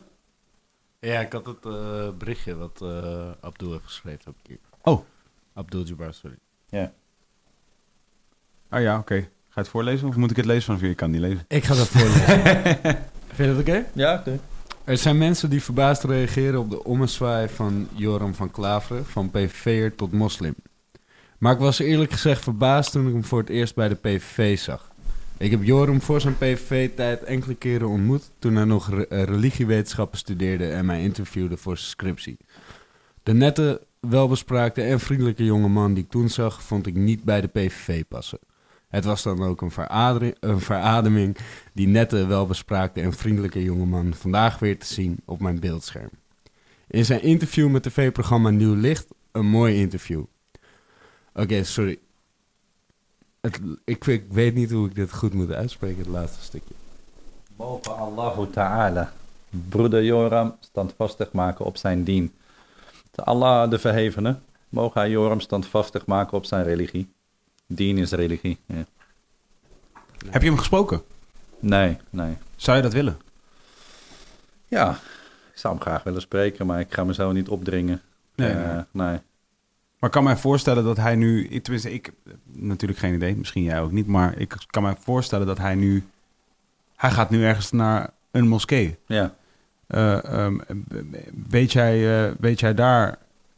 Weet jij wellicht vanuit daar dat, er, dat, eh, dat hij daar geweest is? Of dat hij daar inderdaad... Ik bedoel niet dat je dit inderdaad gaat checken of zo. Maar goed, je hebt wel een geschiedenis met hem. ja. En ik kan mij ook voorstellen dat er vanuit de gemeenschap wordt gedacht... ja, oké, maar deze man was heel recent bij de PVV... en die wilde een boek gaan schrijven. Die, en hij hing deze, eh, deze uitspraken aan en bla, bla, bla, bla. En wat je net hebt gezegd van... we moeten een broeder ontvangen met open armen. Dat snap ik. Eh, maar aan de andere kant kan ik me ook voorstellen... dat je, nu, dat je nieuwsgierig bent. Terwijl, Nee, nee, ik ben... Kijk, bijvoorbeeld tijdens het leven van de profeet Mohammed... zijn er heel veel voorbeelden dat mensen hem bestreden. Jarenlang. Maar op het moment dat zij aangaven... ik heb spijt, ik wil moslim worden... werden zij met open armen ontvangen... en werd er niet, niet meer gesproken over het verleden. Je bent een nieuw persoon nu. Eh, er zijn mensen die letterlijk moslims hebben vermoord in, tijdens zijn leven... moslims hebben gemarteld. Op het moment dat profeet Mohammed aan de poorten van Mekka stond... met zijn leger terugkwam zei hij, ik heb jullie vandaag vergeven. Stel je voor na twaalf jaar, of meer dan twaalf jaar, vervolging en, en, en, eh, de ergste namen die naar zijn hoofd zijn geslingerd. Sterker nog, eh, op een moment als de profeet aan hem bidden en werden ingewanden van een geit op hem gegooid en hij werd belachelijk gemaakt. En wat ik zeg, moslims zelfs vermoord. Mohammed kwam daar op een gegeven moment terug met zijn leger en hij zei, vandaag heb ik jullie vergeven. En toen heel veel mensen tot de islam binnentraden, daaronder ook heel veel oude, van zijn oude vijanden. Er zijn mensen die hem eh, hebben geprobeerd te vergiftigen, bijvoorbeeld, die hij vergaf. Ehm, dat is een kant van Mohammed die je niet, niet vaak in de media hoort, maar dit is wat ik wil zeggen. We hebben heel veel voorbeelden natuurlijk in de biografie van de profeet, van mensen die eerst anti-islam waren mhm. en uiteindelijk zelf moslim werden. En hele goede moslims werden. Die wij nu als voorbeelden aanhalen. Dus het is voor ons niet vreemd. En dat soort voorbe- voorbeelden hebben we denk ik dan ook in gedachten als we dit soort eh, dingen zien. Mhm. Zou, de- denk je dat dit, een, dat dit een positieve uitwerking heeft op de achterban? Laat ik zeggen, een positief, voor de islam positieve uitwerking heeft op de ach- achterban van PVV? Nee, nee. Nee, natuurlijk niet. De achterban van de PVV die, eh, die hangt hem aan de schandpaal. En de bakstront die Joram eh, deze dagen over zijn hoofd krijgt alleen al in columns en weet ik veel. Dus toont sowieso weer aan wat, in wat voor Nederland we leven.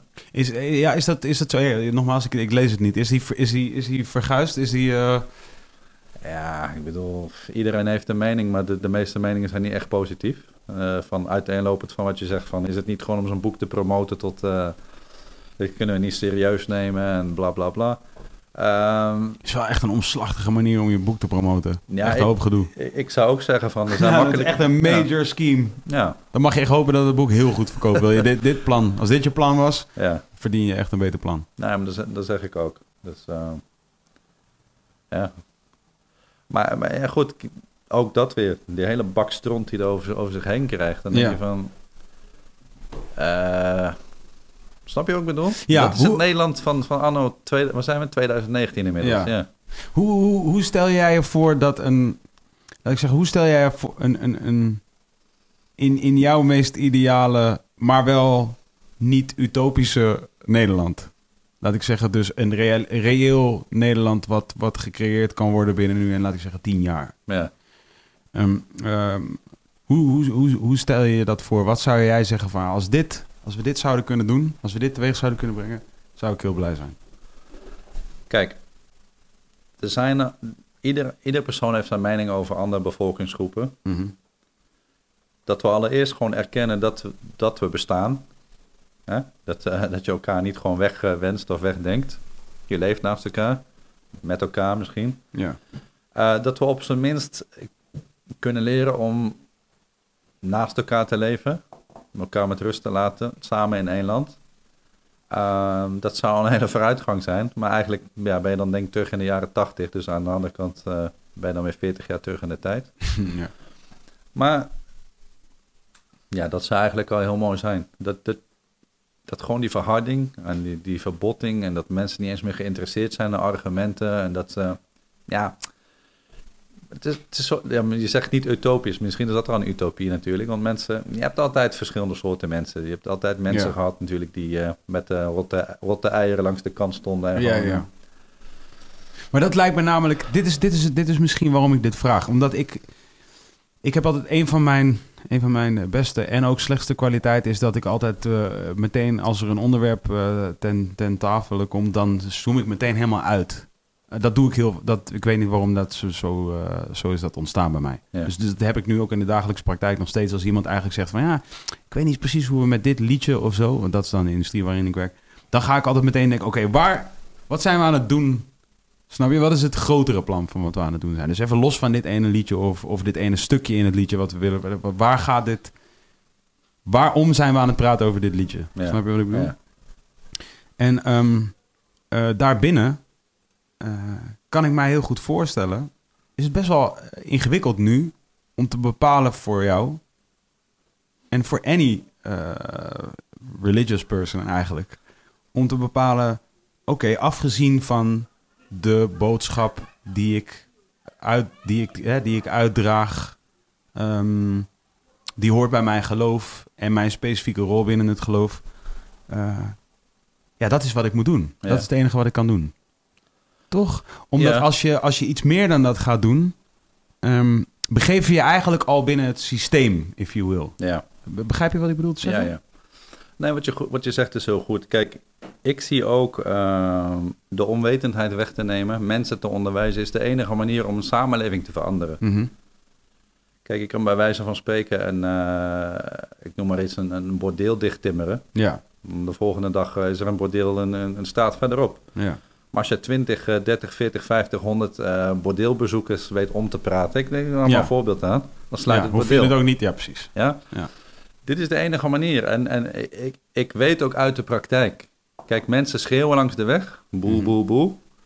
Maar ik heb door de jaren heen geleerd. Standvastigheid. eh, volhouden met waar je mee bezig bent. Je niet laten afleiden Ja. door al die mensen links en rechts. Ehm, jij boekt successen. Al is het soms op kleine schaal. Ehm er is iets wat ik wilde zeggen daarover. Ehm, ik praat soms meer dan... eh, Die heb ik ook. Misschien komt het zo. eh, ja. Maar ik kan mij voorstellen namelijk, en dat is wat ik zelf soms ook heb, is dat ik dat ik het heel moeilijk vind om het te vertalen naar van ja, ik weet eigenlijk niet zo heel goed waar ik er praktisch mee naartoe wil. Ik weet niet zo goed wat ik... Ik weet eigenlijk niet zo goed waar we naartoe bewegen. Soms dan word ik daar heel vervelend van. Snap je? Het is alsof je staat te voetballen op een veld zonder goals, zeg maar. Ja, maar je, ja, Want waar- dan kan je nog steeds iemand door de benen spelen. Je kan nog steeds een splijtende pas over de hele geven. Je kunt nog steeds een eh, passeerbeweging maken. Je kunt nog steeds een goede tackle of wat dan ook. Maar ja, wa- ik weet niet waarom precies. Snap je wat ik bedoel? Nee, ik geloof dat er ook een deel is ehm, dat niet door ons wordt bepaald. En daar waar gewoon een wijsheid in zit. En dan wijs ik natuurlijk op wijsheid Mhm. van Allah Ja. Kijk, in je eigen persoonlijke leven, je kan tot een bepaalde mate plannen. En je kan eh, een bepaalde route uitstippelen. Maar je zal toch zien dat de, de wind van het leven je schip soms een andere kant op stuurt. Ja, ja, ja. Is dat ook waarom Maar- je zegt van ik weet nog niet hoe lang ik hier blijf? Ja, ik ben sowieso iemand die heel vaak gewoon... eh, Van de ene naar de andere plek wil. ja, ik ben een onrustig persoon. Ik, eh, Je zou denken voor iemand die vijf keer per dag bidt dat je daar rustig van wordt. Wel rustig in die mate, maar onrustig in de zin van...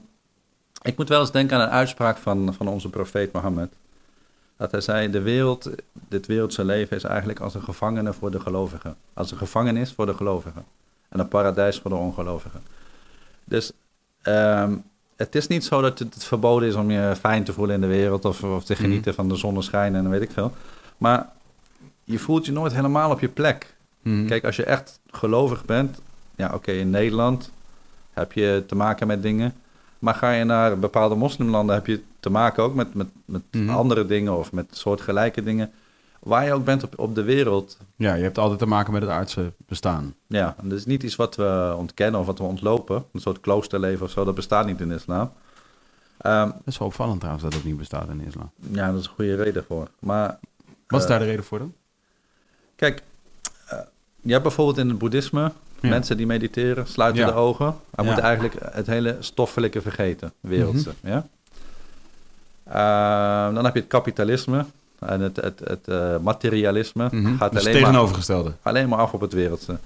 In de islam is het zo dat... ehm, ik neem een voorbeeld in ons gebed, want je zegt vijf keer per dag. In ons gebed bijvoorbeeld is het, het gebruik dat we onze ogen open houden. Niet dat we zo staan. Mhm. Ik zal een voorbeeld geven uit in het leven van de profeet. Stond hij te bidden in de moskee en mensen baden achter hem. En hij hoorde een baby huilen, waardoor hij zijn gebed inkortte. En omdat hij wist, de moeder van de baby is ongerust. Ehm, dit soort dingen toont aan, zeg maar, dat, ehm, dat hij niet zo ver spiritueel zeg maar, aan het zweven was, dat hij nog steeds, Probeert zich niet te scheiden van zijn fysieke vorm. ja, hij besefte wat er om zich heen was. Mhm. het wereldse. Maar tegelijkertijd in contact met, met het hiernamaals, met de ziel. Met, dus die balans vind ik, eh, vind ik heel goed. Ja. Eh, Overigens weet ik dat in het mediteren, eh, laat ik zeggen, vanuit, vanuit het boeddhisme volgens mij wordt ook gezegd dat je je ogen in ieder geval open moet houden, zolang je niet ehm, echt daar bent om ze te sluiten, geloof ik. Ik weet niet, dit is heel omslachtig zoals ik het nu noem. Ik ben ook geen geleerde in de, van boeddhisme, maar ik weet wel dat dit in ieder geval iets is wat vaak, dit heb ik wel vaak gezegd, gehoord. ja, ja. ja. Maar het is wel interessant. Het zal wel vanuit dezelfde aanvliegroute komen. Maar in ieder geval, je je zegt eigenlijk in de islam wordt het, wordt het aardse eh, leeft hand in hand met het eh, spirituele. ja, en daarom zijn er natuurlijk ook heel veel voorschriften gewoon voor ons leven. Hè, wat moet je met je geld doen? Wat moet je Ja. niet met je geld Ja, doen? ja, dat vroeg me ook af. Hoe kies je deze trui uit bijvoorbeeld? Ja, Ja, ja, het is- ik, dat klinkt misschien als een gekke vraag, maar laat ik het zo zeggen. Ergens trek je een lijn, ja. kan ik mij voorstellen. heb, ja, ik heb bijvoorbeeld kledingsvoorschriften. ja. Ik zou eh, niet in, in, een, in, een, in een skinny jeans lopen met, eh, die half kapot gerukt is of zo, Nee. bijvoorbeeld. Ja, Eh, ik ga niet mijn haren, ja, haren ja. ja. groen verven. ja dat, je zou nu ook als een hater over kunnen komen, maar ik begrijp wat je bedoelt. Snap je? Natuurlijk, er zijn voor, voor bijna alle wereldse dingen van moslims zijn inderdaad voorschriften. Hoe Ja. ik mijn huis inricht. Ik, ik, ik zet bijvoorbeeld geen, geen beelden, geen standbeelden in mijn huis. Nee. Om een voorbeeld te geven. Ja. Dat is verboden. Ja. Ehm, ja. Dus daar, daar zie je ook dat de wereld zo hand in hand gaat met... ehm, Ja. En want Ja. ik vond het grappig omdat je hebt namelijk... Er staat NYC op jouw trui. Ja, hè? Heel Ja. moeilijk zichtbaar, maar... Wat zeg je? Ik vond het gewoon een hele comfy... eh, ja. ja, ja dat, die geef ik je ook meteen. Het ziet eruit als een comfortabele grijze... Mijn handen in mijn zak, Capuchon trui. capuchon op. Ja, precies, relaxed. Ja, Maar toch denk ik dan altijd wel van ja, oké. ik vraag me dan af of jij in een winkel staat na te denken over. Hmm, wat wel en wat niet. Jawel. Ja, je bedoelt ook qua, qua niet alleen of ik het mooi vind, maar ook, ja. Ja, waar komt het vandaan? Ik heb ook heel lang gehad dat ik dacht van, ja, NYC, die koop ik niet, weet je. Ja, waarom, toch? Waarom zou ik Amerika promoten? Maar ja, ik heb nou zoiets van, ja, hij zit lekker, hij is lekker warm. ja, Ja, dus Nee, dan, is de praktische, dan gaat het praktische vooruit op het soort eh, Het is- idealistische. ja, maar het is sowieso heel grappig als je soms op teksten gaat letten op, op kleding. Dus Mhm. die slaat echt 9 van de 10 keer helemaal nergens nee, op. dat klopt. I love er wel eens op gelet? Ja, ja, de College of 93. ja. Oké, en toen wat gebeurde daar dan? nee, ja. Ja, weet je, vooral Ja. in de zomer maken we soms echt de sport van om eh, t-shirtjes te Ja, ja, lezen. ja. Echt gewoon, nou ja. Je denkt van waarom heeft die persoon precies dat t-shirt uitgekozen? ja, is gek hè? Snap je vraag? Ja. Ja, ja en, en vooral ook omdat... Ik kan mij namelijk voorstellen, ik loop daar af en toe zelf al wel eens tegenaan. Bijvoorbeeld, laat ik zeggen met een auto. Heb je een auto? Oké. Nee, in Engeland. Stuur aan de verkeerde kant. ja. Of aan een goede. Daar wel. Ja. Of, of vind jij vindt aan de verkeerde kant? Dat vind jij, dat is wel jouw mening. Nee, afhankelijk van waar je bent. In de auto of op de wereld? ja, ja, precies. Maakt niet uit gewoon. In Nederland ik Ja, maar jouw eerste, jouw eerste gevoel was wij zitten aan de verkeerde kant. Dus je bent wel een soort, wat dat betreft, Nederlands gezind. Wat stuur in de auto betreft. Ja, weet je wat grappig is? Sorry dat ik je onderbreek. Als ik, dan uit. af en toe in Nederland op vakantie kwam, Ja. stapte ik in in de, in de bestuurderskant. ja, dat is echt tof. Dat lijkt me echt een heel gekke gewaarwording. wat ga jij- ga Ja, sowieso. rijden? Ik heb het alleen al als ik gewoon... Soms heb ik momenten dat ik iets... Laat ik zeggen dat ik iets moet pakken van die kant. Ja. Of op de achterbank, maar dan sta ik zo ingeparkeerd dat ik er aan de voorkant in moet. En dan zit ik in mijn bijrijderstoel van mijn eigen auto. Met niemand anders in de auto. En dan denk ik al... Eh! Zeg je dat? Dat je gewoon... En dan denk ik, waarom zit dit? Dat klopt helemaal niet. Dat, dat gevoel. Dat je in je bijrijderstoel zit. Ken je dat? Nee, ik ken. Nee, dat ken ik niet. Oké. Maar ehm, eh, ja, nee, ik heb het dus wel met een auto. Oh, ja, je hebt een auto. Ja, goed. Wat, wat voor auto heb je in Engeland? Volkswagen. Hmm. En, en eh, want daar, daar vraag ik mij dus bijvoorbeeld wel eens af. Eh, laat ik het zo zeggen. Ik ben dus. ehm, ik hang geen enkele religie aan. Ja. Eh, ik beschouw mezelf ook absoluut geen atheïst. Ehm, Ben je zoekende? aren't we all? Mhm. Dus, dus maar ik voel me wel helemaal een soort. Ik heb, ik heb, laat ik het zo zeggen, alle vragen die ik heb, ben ik heel blij mee. Dus, daar, eh, dus ik heb geen eh, vragen waar ik eh, mee loop als in van, oh, ik ga gebukt onder deze vragen die ik heb. Ik ben heel blij met, de vragen Ja. en al die dingen. Ehm, maar ik ben wel bijvoorbeeld actief in een commerciële industrie. Ehm, waarin er bepaalde systemen zijn die gelden. En bijvoorbeeld een auto. Dat is heel grappig. Ik ben ooit een keer zat ik in, de, zat ik in een trein. Toen was ik, had, was ik, al- had ik ook al... Ik heb een eigen platenlabel. Ja. Ehm, eh, en dat had ik toen ook al. En toen was ik zeg maar, toen, zat ik, toen eh, had ik nog geen rijbewijs. Toen was ik met de trein aan het reizen. Toen werd ik een keer gebeld door een rapper in die tijd, die al wat ouder was dan ik. En ehm, eh, die belde me en die zei van, hé, hey, waar ben je nou? Ik zeg, ja, ik ben hier niet in, in de trein. Hij zei, oh, wat dan? Is je waggie kapot? Zo'n soort ding zei hij. Toen zei ik, nee, nee, nee, gewoon, gewoon een trein. Ik heb, eh, eh, ja, gewoon, ik ben gewoon met trein, ik heb geen auto. Zei Ja. hij, eh, wat dan? Ik zei, zo, ja, ik heb ook geen rijbewijs. En toen werd hij soort een beetje zagrijnig bijna. En toen zei hij van, dat kan niet, bro. Je, hebt een, eh, je bent de, de baas van een label. Ja. Dus jij moet een auto hebben. Dat hoort daarbij. Weet je, van je kan niet, je kan niet Mm. aankomen kakken in de trein. En ehm, daar heb ik toen, toen, toen dat ik hem daarna ophing, toen heb ik daar heel lang over nagedacht. Van, hé, hey, dat is wel grappig. Dus, dus soort het status. Mhm. Wat status is iets dat je verwerft door de dingen die je doet. Zou ik zeggen, toch? Ja. En nu wordt voor mij geacht. En dan, ga, dan heb je op, je op een gegeven moment verwerf je dus. eh, ja, laat ik zeggen, in het beste geval verwerf je vooral ervaring en dus kennis. In het slechtste, of in een ander geval verwerf je ook spullen. Ja. Ik wilde zeggen in het slechtste geval, dat is niet per se het slechtste geval, maar je ver- verwerft ook spullen. Dat is wel het, het geldende systeem hier, toch? Als je, Mhm. eh, je komt ahead in de wereld en dan krijg je ook meer shit. Dus op een gegeven moment heb je ook een hele hoop spullen. En die spullen die zouden als het goed is gepaard moeten gaan met de, met de soort evolutie die je door hebt gemaakt. Of de ontwikkeling die je door hebt gemaakt. En dit is nog puur langs de soort kapitalistisch-maatschappelijke ladder dan wel, hè? Ja. Ehm, maar niet helemaal. Want namelijk als jij 40 jaar, laat ik zeggen, als jij in een, eh, in een, in een, een, eh, een, eh, ehm, ergens een stam in een land dat leeft in de natuur en je bent 45, dan heb je als het goed is over die jaren ook status verworven die zich meer uit in waarschijnlijk kennis van de, van de omgeving, bijvoorbeeld. Ja. En kennis van misschien wel jagen of koken of whatever het is. Dat is in ieder geval dan op dat moment jouw status. En ehm, bij, in dit geval dacht ik dus ineens, hé, dat is wel vet. Dus, hij, dus ik moet nu, hij vindt eigenlijk dat waar ik ben al gepaard zou moeten gaan met een auto. Ja. Maar ja, obviously niet, want anders had ik wel een auto. Snap je wat ik bedoel? Dus nu zegt hij eigenlijk, ja, je moet, dan moet je doen alsof je daar wel bent. Dus je moet nu die auto al hebben, snap je? Hmm. Dat is een van de eerste, eerste momenten waarop, los van, laat ik zeggen, de hip-hop, wat jij zei over gehuurde waggies en zo. Ik weet nog heel goed, eh, de Roots, ken je de Roots nog? Ja. Die hadden de, de, de single What They Do, ken je die single? En de videoclip toevallig? Zeg me zo niks. Was heel leuk. Het was, hele, was een video die, eh, eh, waarin ze een soort standaard hip-hop videoclips van de jaren 90 situaties eh, deden. Dus alle situaties deden ze na. Heel tof gedaan eigenlijk. Hmm. Maar dan zaten er allemaal prijskaartjes aan, de, aan alle sp- spullen. Dus een auto stond eronder van rental.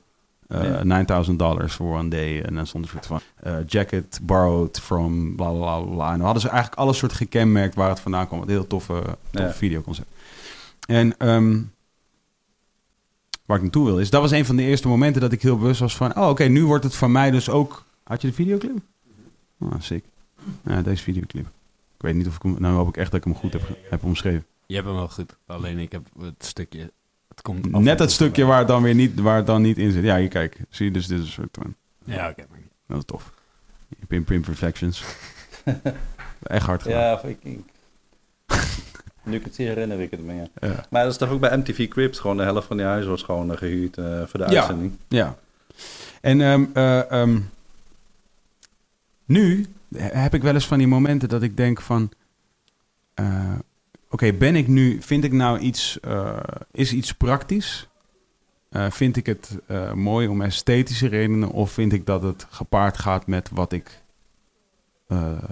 ben? Wat ik vind dat ik... hoe, ik hoe ik gezien moet worden. Ja. En of ik dat nou bewust zo vind, of dat dat is geconditioneerd door andere mensen in mijn positie, of mensen die mij verteld hebben dat ik dat ben en dus nu dat uit moet dragen, dat weet ik niet. Maar het is altijd een van die drie dingen, Ja. weet je.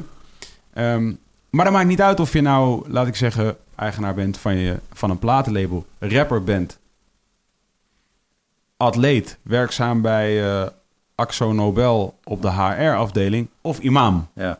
je loopt altijd tegen diezelfde. Die vraagstukken ga je altijd moeten. eh, daar ga je altijd tegenaan moeten lopen. En sommige mensen stellen die vragen waarschijnlijk niet. En trekken, hè, gaan gewoon naar de eerste beste winkel waar ze zien. En dan zien ze: hey, wow, t-shirt, wow, dat staat op. College of, eh, College of 93. Ja. I like it. Deze neem ik mee naar huis, want het sp- het spreekt tot mij. Maar in jouw specifieke geval kan ik me voorstellen dat alles een overweging is de hele tijd. Dat is een lange intro, hè, naar deze vraag. naar ja, de- ik zat echt te denken, waar gaat Maar het heen? Het is gewoon Ja. even een stukje. Ik, moet altijd, ik heb heel weinig gezegd, dus ik moest even... Maakt het niet echt uit wat je doet. Ja. Nee.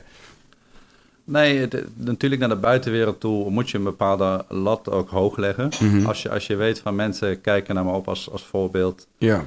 moet je, als je in het publiek bent, de lat ook altijd een beetje hoog leggen. vind Ja. ik. Maar ja, de mensen die me echt kennen, bijvoorbeeld mijn vrouw thuis, ja, daar ben ik gewoon eh, waarschijnlijk een persoon die veel mensen niet verwachten dat ik ben. Wat dan? Hoe, hoe ben je? Ja, dus bijvoorbeeld, eh, ik kan lachen om Jiskevet, weet je, eh, om maar iets te noemen. Kijk, het is wel een throwback, Jiske Vet. Of staat Jiske Vet op Netflix? ik ben sowieso oldschool. met Ah, oké. Ja, hij staat op, op, op YouTube. Ah ja. Nee, maar ik noem maar een voorbeeld, hè. Ehm, dus mensen, ja, mensen verwachten op een of andere manier dat ik wat heel serieus Ja, ben. dat je de hele En, dag documentaires thuis aan het kijken bent. eh, Ja, dat, dat- Dat is echt ook zo. alleen maar serieus Oh, ben. ja. En om een of andere rare reden eh, vinden ze dat religiositeit ook gepaard gaat met altijd zo kijken. Mhm. Terwijl de profeet eh, is beschreven als iemand die altijd glimlachte. Mhm. Ehm, en ik ben een beetje opgehouden met, met de laatste paar jaren ben ik daar pas echt, echt heel gerust overheen. Dat ik me echt gewoon gerust voel met te doen wat je achterban van je verwacht. Dat je gewoon echt, wat ik toen straks al zei, als ik zolang ik het kan verantwoorden tegenover Allah. Mhm. En ik vind dat dit goed is. Eh, je zegt de laatste jaren. Waarom is dat de laatste jaren gekomen? Waarom, waar was, waar, waarom was dat daarvoor niet? Nou ja, ik denk dat ik daar, toen ik nog iets jonger was, toch meer eh, soms dingen riep die ik niet echt, echt helemaal vond. Maar die, ja, waarvan ik wist van dat wil mijn publiek horen. Eh, ik denk dat iedereen er last van heeft. Snap je? Eh, mu- muzikanten ook natuurlijk. Ja. Eh, kijk, projecten bijvoorbeeld zoals eh, Run DMC, die samen met een hard rock band Walk This Way, en wat was het ook alweer? Werd ook niet door iedereen in dank afgenomen. Nee, Aerosmith. Ja. Kijk, maar zij vonden het mooi en ze dachten, dit is leuk en dit gaan we doen. Om maar even een lijn te trekken met jouw wereld. Ja. Iedereen heeft er last van. Wat, wat gaan ze van me denken? Wat gaan ze van me vinden? En natuurlijk tot een bepaalde mate ieder me- mens wil in een groep horen. Je wil niet alleen door het leven gaan en eenzaam en verstoten worden. Ja. Dus we zijn allemaal het slachtoffer sowieso. En je, ja, de enige plek waar je helemaal eh, alleen kunt zijn, jezelf kunt zijn, is echt eh, thuis natuurlijk. Ja. ja.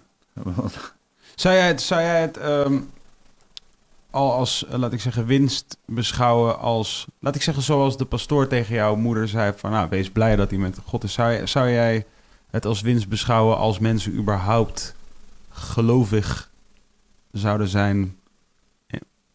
eh, in Nederland meer dan ze nu zijn, maar niet in het bijzonder. Ja, dat is sowieso een stap weer eh, vooruit. Kijk, ik vind eh, jezelf die vragen stellen: waarom ben ik hier? Waar slaat dit alles op? Dat dat iets is wat een mens onderscheidt van een dier. Kijk, eh, voortplanten en eten en drinken en slapen, kan een eend ook, weet je? Eh, een eend, ja, eenden. ja, toch? Een eend, een eend heeft ook ogen en eh, die ziet de schepping, maar die denkt er verder niet echt over na. Nee. Je denkt, hé, een boom. Ja? Maar zodra je als mens langs die boom loopt en denkt van... Het is eigenlijk toch wel vreemd. Ik heb Ja. 50 jaar geleden een eikel in de grond gestopt... en Hier er staat nou boom, iets wat ja. eh, zuurstof produceert en dit en dat. Als je daarover na gaat denken... over de afstand van de aarde tot de zon bijvoorbeeld. Als het iets verder zou zijn, zou de aarde bevriezen. Als het iets dichterbij zou zijn, zou de aarde helemaal verschrompelen. Eh, gewoon dat wonder. Dan verhef jij je pas boven het niveau van een dier, voor mij. Dan, dan word je menselijk, zeg maar.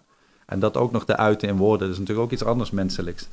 Zolang mensen dat niet doen, en zich alleen bezighouden met voortplanten, grof gezegd, en eten en drinken en poepen, ja, dan, dan ben je een levend wezen, een organisme, maar niet te zonder geen menselijke verstand, zeg maar. Dit. Dus dat zou zeker een stap vooruit zijn voor mij. Als mensen op zijn minst die vragen stellen, ehm, ja, waar slaat dit alles op? Waarom zijn we hier? Hoe, hoe kan dit? Weet je? Kijk, waarom zijn er wel mensen die naar een museum gaan en naar een schilderij kijken en zeggen: Wat een schitterend schilderij, wie is de schilder? Maar als ze naar een landschap kijken, zeggen ze: het is Ja, dat heb ik al Toevallig. vaak gezien. Ja, ja, ja. toevallig ontstaan. Ja, ik ben, mensen die mij op Instagram volgen weten dat ik toevallig een grote eh, waardeerder ben van landschappen. Maar, eh, maar inderdaad, de gemiddelde mens ontgaat het. Ja. Ja. En dat vind ik raar. Ik bedoel, nog, nog nooit is, is iets uit niks ontstaan. Dus waarom zou je daar niet afvragen wie, wie is de maker van dit schitterende, dit hele balans? Wat we nu aan het vernietigen zijn trouwens, maar dat is een ander punt. Eh, ja, dat zou zeker een stap vooruit zijn. En van daaruit natuurlijk eh, komen ook, denk ik, meer, ehm, komt ook meer compassie. Als mensen een, een doel hebben. Kijk, heel grof gezegd, ik heb atheïstische denkers letterlijk horen zeggen. Dat zijn echt grote denkers, hè, die, Mhm. die in deze tijd zeg maar de leidende atheïsten zijn. Mhm. Die gewoon letterlijk zeiden, er zit geen en- enkel plan achter deze ja, schepping, noemen ze het niet eens, achter dit bestaan. Dus eh, eigenlijk ethisch gezien is een bloemkool net zoveel waard als een mens. Ja. Ja? Als je hem eruit trekt dan, eh, Mhm. en in de prullenbak gooit. Ja. Ethisch gezien is een goudvis evenveel waard als jij. Ja. Alleen jij bent geëvolueerd. eh, Ja, ja, ja, ik ben een geëvalueerde goudvis. en dat, dat is een hele gevaarlijke gedachte. Ja. En, en ik heb ooit een, een lezing van een professor in een, een universiteit van Californië gezien. Ja, Die heeft daar een heel onderzoek over geschreven. Hoe dat leidde bij de nazi's uiteindelijk tot wat ze hebben gedaan. ja, Die gedachte precies. ja. Dat eh, vanuit het Darwin even. Ik zeg niet dat Darwin direct daar verantwoordelijk voor was. Maar daarmee aan de haal zijn gegaan en zover zijn doorgegaan. ja. Dus dat is wat ik zeg, als mensen ook een doel zien in het leven en, en, en meer snappen waar dit alles op slaat, komt er ook vanzelf meer. eh, kijk, sowieso helemaal als je een, bijvoorbeeld een dag des oordeels gaat geloven. Dat jij drie keer nadenkt voordat je iets doet tegen een ander of tegenover jezelf of wat dan ook. Dat je weet van, of of gelooft. Kijk, er zijn soms mensen die denken, ah, eh, die gaan tekeer. Waarom zou je geloven in een, een hiernamaals en dit en dat? Zeg, wat is jouw probleem? Al, zou, al geloof je er niet in. Mhm. Wat is jouw probleem dat ik er wel in Ja, geloof ja. en het mij een beter mens maakt? Ja. Je zou sowieso een beter mens moeten zijn. Ik zeg, nee, maar voor sommige mensen is het gewoon een feit dat als je een beloning belooft of een bestraffing belooft, dat ze wegblijven van bepaalde dingen. Daarom hebben we boetes in Nederland. Anders zou iedereen 200 km per uur rijden. Ja. Sommige mensen hebben dat nodig om binnen die grenzen te blijven. Zichzelf onder bedwang te houden. En dan zeg ik van, ja, wat is jouw probleem als dat iemand een beter mens maakt, waardoor ik goede, betere daden doe? Ja. Wat is, jouw gelo- wat is jouw probleem dat ik geloof in een hiernamaals, weet je? Ehm, dus ik geloof, ja, dat, dat zou de samenleving zeker goed doen. Dat is eigenlijk een heel lang antwoord op je vraag. Maar- Je zei toen straks, ehm, eh, je kunt twee richtingen op, of, of laat ik zeggen, of haat of de, of de weg van, eh, van de profeet Mohammed, zei je, volgens mij. Ja. Wat, wat, wat is die, als je dat zou moeten, ik bedoel, dat is natuurlijk, het is een heel boek wat je kunt lezen, maar, eh, maar, maar voor iemand die daar nog nooit van gehoord heeft, want daar bestaan nu, daar bestaan nu natuurlijk, laat ik zeggen, als, je, als er iets geframed is, het, is het wel waar de islam voor staat. ja. Eh, wat zou jij zeggen van, ja, in, kernachtig, dit is wel wat het is? Want je zegt net compassie. Dat is nu niet, denk ik, wat, laat ik zeggen, de gemiddelde, zeker niet de gemiddelde atheïst. eh, maar ik denk ook de gemiddelde eh, eh, impartial Nederlander, tussen aanhalingstekens, denkt ook niet dat de islam per se compassie eh, of liefde predikt. Nee. De weg van de profeet, heel kort. De profeet heeft ons geleerd om mens te zijn. Ehm, dat wil zeggen dat aan de ene kant heeft hij heel sterk benadrukt dat we geen engelen zijn. Mhm. We zullen fouten maken, wat ik er straks al zei. Alleen de beste van degenen die fouten maken zijn degenen die ze hun fouten toegeven. En berouw tonen. Mhm. Als je een ander onrecht, onrecht hebt aangedaan, dat je ook hem om vergiffenis vraagt. De weg van de profeet is eh, menselijkheid. Kijk, vaak vandaag de dag zien we moslims die een beetje gevangen zitten in een gevangenis van hun eigen cultuur. Die weinig met de islam te maken heeft. Als je bijvoorbeeld ziet hoe de profeet... Om een voorbeeld te geven. En, ehm, ik, als, ik heb in, in Manchester veel Koran onderwezen aan kinderen. En daar heerst een beetje het idee in de Pakistaanse cultuur en zo... dat eh, een Koranleraar moet streng zijn. Maar ik zat altijd te geinen met die kinderen en ik stak mijn tong uit... en eh, soms zaten ze op schoot en zo. En ik werd bij de directie geroepen. Van, is- het is dit. Ik zeg, wijs mij in de, het leven van de profeet één voorbeeld aan. Dat hij een plek binnenliep en de kinderen angstig werden. Dat hij met een stok binnenliep en de kinderen... Integendeel, ze sprongen in zijn... We hebben overlevering dat ze in zijn schoot sprongen. Dat ze hem knuffelden. Dat hij zijn tong uitstak. Nu zeggen jullie, dat kan een imam niet doen. Jullie profeet heeft zijn tong uitgestoken en eh, de menselijkheid die dat laat zien. Ehm, de cultuur heeft dat juist vaak, wat, wat veel mensen nu als islam zien, is, eh, is cultuur. Hoe de profeet, vrede ze met, hem, met zijn vrouwen omging. Dat ze gewoon eh, ja, een wedstrijdje hardlopen en, en grapjes maakten. En al die overleveringen zijn bewaard gebleven. Mhm. Eh, ook hoe zijn vrouwen bijvoorbeeld ruzie met hem maakten en hoe hij daarop reageerde. Weet je, het is, het is echt, ehm, je, kan, je kan zeggen, waarom heeft Allah geen engel gestuurd? Daarom. Kijk, Allah heeft een mens gestuurd, zodat hij is zoals wij, zodat wij hem kunnen ehm emulate, ehm, Mhm, mhm. in zijn voetsporen zoveel mogelijk kunnen proberen te treden. Ehm, je zal geen moment vinden, en ik daag aan ieder uit die nu luistert en eh, pluis alle boeken na, in zijn leven, dat hij bijvoorbeeld in extreme woede is uitgebarsten, ondanks wat hem is aangedaan. Als je zijn leven leest, 23 jaar lang, hij heeft niks dan hardship gehad. Eh, hoe zegt het in het Nederlands, moeilijkheden. Ja. Ehm, maar je zult geen moment vinden dat hij uit zijn slof schoot, dat hij zijn, zijn beheersing verloor, dat hij zo woedend werd dat hij eh, de grenzen overschreed. Vaak wordt gevraagd bijvoorbeeld, wat is jouw bewijs dat hij een profeet was? Ik zeg, wil je het bewijs? Kijk naar zijn leven. Ieder aspect van zijn leven dat ik lees, dan denk ik van, dit was geen normaal mens. En als het bijvoorbeeld een nep-profeet was geweest die alleen eh, macht had willen hebben of geld, of, dan zijn er zoveel momenten in zijn leven geweest dat hij dat had kunnen hebben. Dat het het hem ook werd aangeboden. Ehm, kijk, je vroeg dus straks bijvoorbeeld aan mij van, wat is jouw stappenplan voor de komende jaren? Mhm. Kijk, ik heb geleerd van hem. En als je wenst ook van Jezus. En als je wenst ook van Gandhi en Martin Luther King en Malcolm X en Nelson Mandela. Het zijn de mensen die hun poot stijf hielden, die uiteindelijk iets hebben bereikt. Mensen die zeg maar meegingen met wat de omgeving van hem verwachtte, door de machthebbers van hem verwachten. Het waren altijd de oproerkrijgers die uiteindelijk achteraf gerespecteerd Mhm. worden en de samenleving veranderen. Zeker. Dus dat, eh, ja, rebels. En de islam leert mij om op te komen voor mijn rechten. Maar eh, op een manier, wat ik er straks al zei, eh, binnen die grenzen van Allah. Eh, niet om herrie te schoppen. Maar als het opeisen van mijn rechten herrie veroorzaakt, dan is dat jouw probleem. Niet letterlijk jouw probleem. Maar Mhm. ja.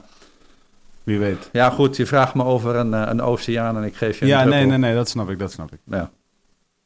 Heb je ooit gelezen over zijn leven? Of, of, eh, Nee, ik heb... eh, nee. nee. Nee, maar het is wel grappig dat je dit zegt. Ik heb namelijk... eh, eigenlijk het afgelopen, afgelopen paar jaar eh, meer en meer ben ik... Like, maar daar kunnen we het ook nog wel een keertje langer over hebben. Misschien ook nog wel een keertje met microfoons aan.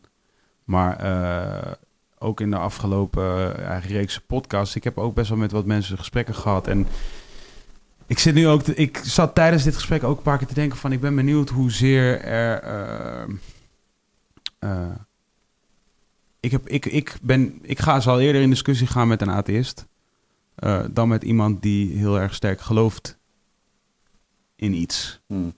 Laat, maak, laat ik het zo zeggen. Ik zou überhaupt meer eerder in discussie gaan met iemand die nergens in gelooft. Ja.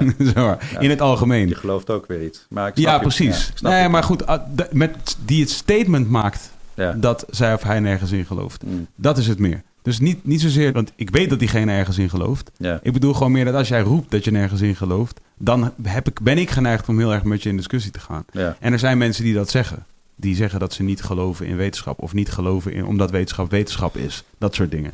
En dus die gesprekken heb ik hier ook gevoerd aan deze tafel. En eigenlijk eh, door onder andere ontwikkelingen die, zelf, die ik zelf heb meegemaakt. eh, ook, eh, ehm, weet ik veel, euvels waar, eh, waar, waar ik mee te maken had gekregen. eh, ben ik ook meer gaan na, des te meer gaan nadenken over van oké, waar inderdaad doet het ervoor toe? eh, doet het er allemaal? Waarom doet het er allemaal toe Ja. voor mij? Ja. Weet je, en, en daar was wel, daar is dus meer. op een gegeven moment ben, is dat meer gaan klikken bij mij. Dat ik ben gaan denken van oké, wacht even. Ja, dus Mm. dit maakt sens en dit maakt sens en dit maakt sens. Ehm, in essentie, de laatste dingen die jij nu net hebt gezegd, die maken sens voor mij. En inderdaad, eh, wat je ook zegt, die heb ik eh waarever ik het kan halen. Of dat Dalai Lama is, of dat eh Muhammad Ali is, of, of dat eh, Bruce Lee is. Mm, Degene die het mij kan vertellen, van diegene wil ik het aannemen indien ik me daardoor gesterkt voel in, in whatever het is dat ik, waar ik mee te maken krijg en alle uitdagingen van nu. En, eh, en dat is dus waar ik ben. En nu, en nu eigenlijk afgelopen jaar had ik, eh, ik, ik ben nu ook al een paar jaar voornemens om meer te lezen. En, ehm, en dit jaar heb ik ook uit tegen een paar vrienden van mij gezegd van, eh, ik denk dat ik eens ga beginnen met een paar boeken die, die we eigenlijk allemaal zouden moeten lezen als we meer willen begrijpen van de wereld waarin we leven. Ja. En dat is dus de Bijbel en ook de Koran. En, en eh, dat zijn hele logische boeken om te lezen eigenlijk. Eh, Gek Mhm. genoeg boeken die volgens mij heel veel mensen die niet ofwel de ambitie hebben om religieus te zijn, ja. ofwel eh, eigenlijk tussen aanhalingstekens nergens in geloven, dus ook niet oppakken. Mm, Terwijl ze dus andere boeken wel oppakken waarvan ze weten dat het niet waar is. ja. Dat vind ik altijd wel, eh, in- dat vind ik inmiddels ook wel fascinerend. Ja. Vind jij het niet fascinerend hoe... dat is ook iets wat ik heel fascinerend vind. Overal waar je ook kijkt in, in, in de geschiedenis van de mensheid Mhm, op aarde... bestond er iets van religie. mhm, Ja? mhm. Eh, ik ken geen voorbeelden, ja, misschien één of twee hele kleine groepen. Maar ik ken in de mensheid over het algemeen geen voorbeelden van mensen die niet geloofden in een God. Die niet geloofden in een hiernamaals en die niet geloofden in een ziel. Drie dingen die eigenlijk alle geloven, of ze nou door oceanen van elkaar zijn gescheiden en bergketens. En dat is iets ehm, wat ik ook heel frappant vind. En wij geloven ook als moslim dat een, een mens van geboorte dit besef heeft meegekregen Mhm. dat er een hogere macht is Mhm. en dat je daarna op zoek moet. Het is alleen dat zeg maar, door het stof van het wereldse leven, hoe meer je hierin uh, mee bezighoudt en, en minder met het geestelijke. En ik geloof de laatste 100, 200 jaar gebeurt het alleen maar meer. Dat het een beetje wordt bedekt, dat gevoel. Maar dat eigenlijk de mens van nature de behoefte heeft om Ja, de ho- hogere dat- macht ja, ja, ja. te zoeken. Nee, ja. Ehm, wat bijvoorbeeld ook... Kijk, iemand als Boeddha bijvoorbeeld. Tenminste, wat ervan klopt. Van, van de, natuurlijk, dat is ook maar de vraag wat, wie hij precies was... en wat er nu van hem is opgeschreven. Ik zeg als moslim... dat zou best een profeet kunnen zijn geweest van Allah. Mhm. Want bijvoorbeeld in de Koran staat... naar alle volkeren zijn er profeten gestuurd. En die hebben allemaal natuurlijk dezelfde boodschap gepredikt. Alleen door de eeuwen heen zijn Ja, er het, het fluisterspelletje. ja, monniken geweest die Ja. eh, woorden Op hebben andere toegevoegd. manier of- hebben vertaald, ja. Ehm, dus ik geloof ook dat zelfs bijvoorbeeld in de woorden van Boeddha, wat er nu nog van over is, dat er ook woorden van waarheid in zitten natuurlijk. Dat het overeenkomt met wat... wat ehm,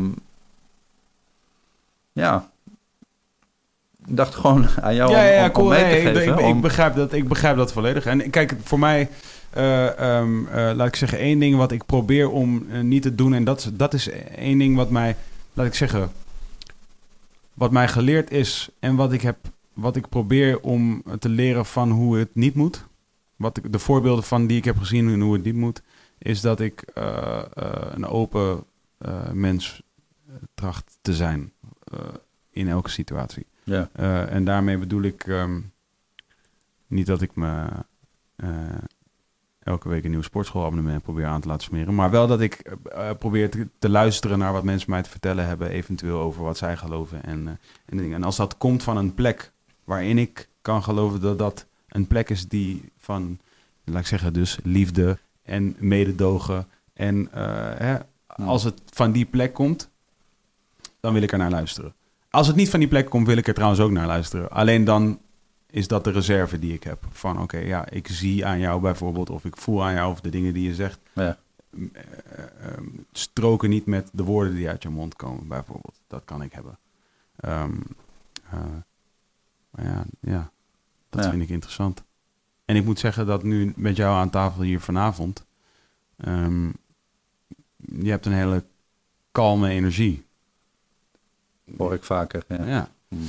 En grappig genoeg eh, kan ik hier mensen... Ik heb hier ook meerdere mensen aan tafel gehad die uitgesproken atheïstisch zijn. Ja, Ehm, zelfs, eh, laat ik zeggen, tot in het extreme.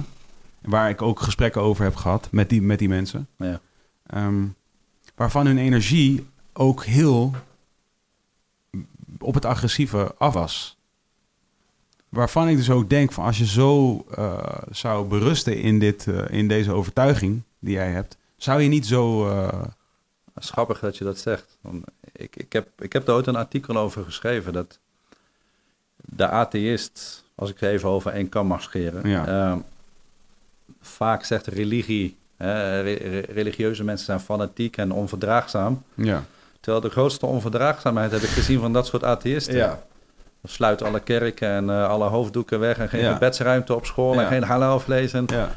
en dan denk je van, eh, ja, wie is hier nou onverdraagzaam? Vandaar dat ik dus straks eh Theo Maassen eh, fundamentalist noemde. Ik bedoel, in die mate.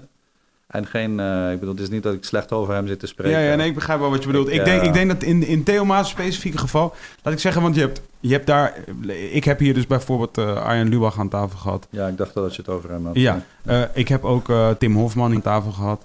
Ehm, eh, die, die twee andere personen zijn. Ja, Ik heb, ben hier ook meermaals al. eh, ik heb het hier ook. Ik ben, heb hier ook al heel vaak naar teruggegrepen. Maar dat is ook omdat ik. Mocht, eh, mocht dan wel Tim, dan Ar- Arjen luisteren naar dit, dit, naar dit verhaal.